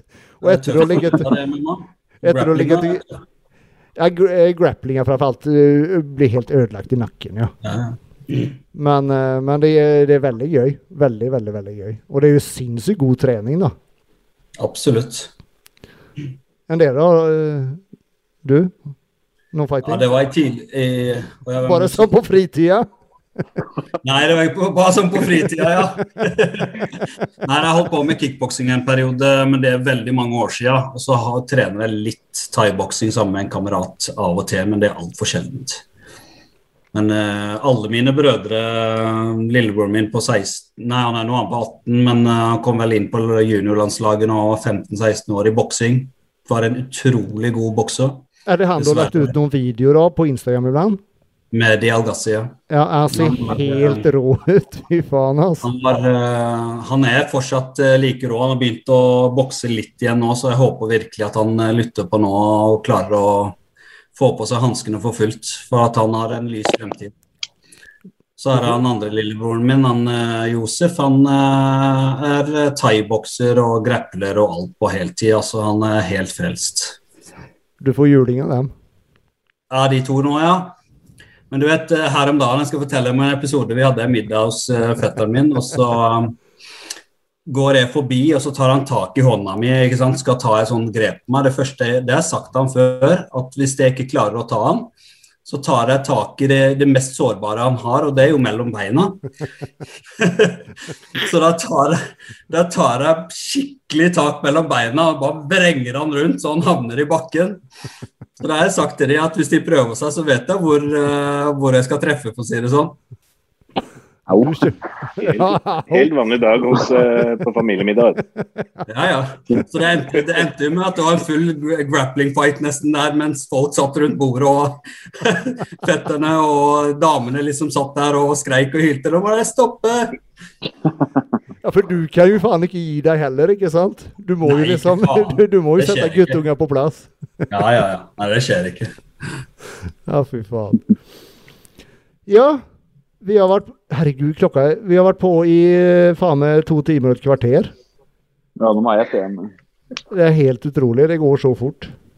Fan, jeg skal ha med, jeg skal ha med Tommy Thorvildsen i morgen. Jeg gleder meg som en unge. Ja, det blir artig. Det blir moro. Ja, det, blir, ja, det, det er legende. Altså, han, mm. fan, det som er så kult, han har liksom stått på scenen med alle de store navnene fra, ja, fra når vi var guttunger, da, på en måte. Ja, ja. For jeg husker når jeg, eh, når jeg begynte å trene, da var jo liksom Tommy han var jo liksom med i bladene i BK Sports Magazine og eh, Eller ja, BK etter det da. Det, det ble jo Body etter hvert, da. Uh, så husker jeg leste om han, ikke sant. Og så husker jeg sen etter jeg hadde flytta til Norge, da, etter noen år, og da kommet litt inn i miljøet, så ble jeg liksom da litt kjent med Tommy. da, liksom Møtte han sånn in person og snakka med han. Så bare Å, herregud, det var så stort. Jeg liksom hadde lest om han i bladene og greier. Så, men, men, i hvert fall det skal bli jævlig gøy å høre hans uh, hele historien. ikke sant? Fra at han begynte å trene, at han ble proff. Uh, eh, Flytta til Belgia, og han bodde i England og trente på Temple Gym. og Det skal bli jævlig kult å høre. Vi er veldig stolte at han er fra Tvedestrand, fra Sør-Norge. Ja, stemmer. Det er han faktisk. Stemmer. Han er bare 15 km herfra, faktisk, fra Saltrød. Uh -huh. Mm. Huh. Så han er en sørlending, som dere sier i nord. Ja. Søring, ja. Ja, han er en søring, ja. Det er det jeg sier. Nei, men Skal vi si oss uh, fornøyde med dagens uh, episode, eller? Det kan vi. Mathias er sulten nå. Ja, faen, du spiste jo nettopp. Det er jo to timer siden. Herregud. Du må begynne med periodisk faste som meg, og skal jeg spise noe snart, ja. Ja, men da blir jeg tynn.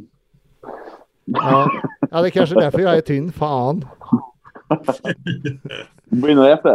ja, jeg må begynne å spise litt. Gutter, skal vi, vi kjører vel en ny episode neste uke? Det gjør vi. Det gjør vi. Da sier jeg uh, tusen takk for i dag, så, så uh, snakkes vi. Det gjør vi. Må folk gjerne sende spørsmål til Andreas uh, som vi kan ta opp på poden, da. Mm. Men nå, eh, jævlig kult. Jeg har liksom fått masse kommentarer. Folk sitter og følger med her live, så det, det er utrolig kult. Absolutt. Og, eh, og som Hassan sier, gjerne send, eh, send, meg en melding, eller send noen av gutta en melding. og uh, Kom med forslag til tema vi skal snakke om, eller et eller annet. Og hvis ikke, så mm. har vi mer enn nok å snakke om, regner jeg med. Nei, det er mer. Ja, det er ikke noe tvil på. Ja, Dere får en god kveld, gutter. Takk i like måte. Og husk å se på iform.no bodybuilding og fitness podcast med Tommy Thorvildsen i morgen. Det skal vi. Det er det, altså. Yeah. Ja. Absolutt. Vi snakkes. Ha Det gjør vi. Ha det. Ha det. Ha det.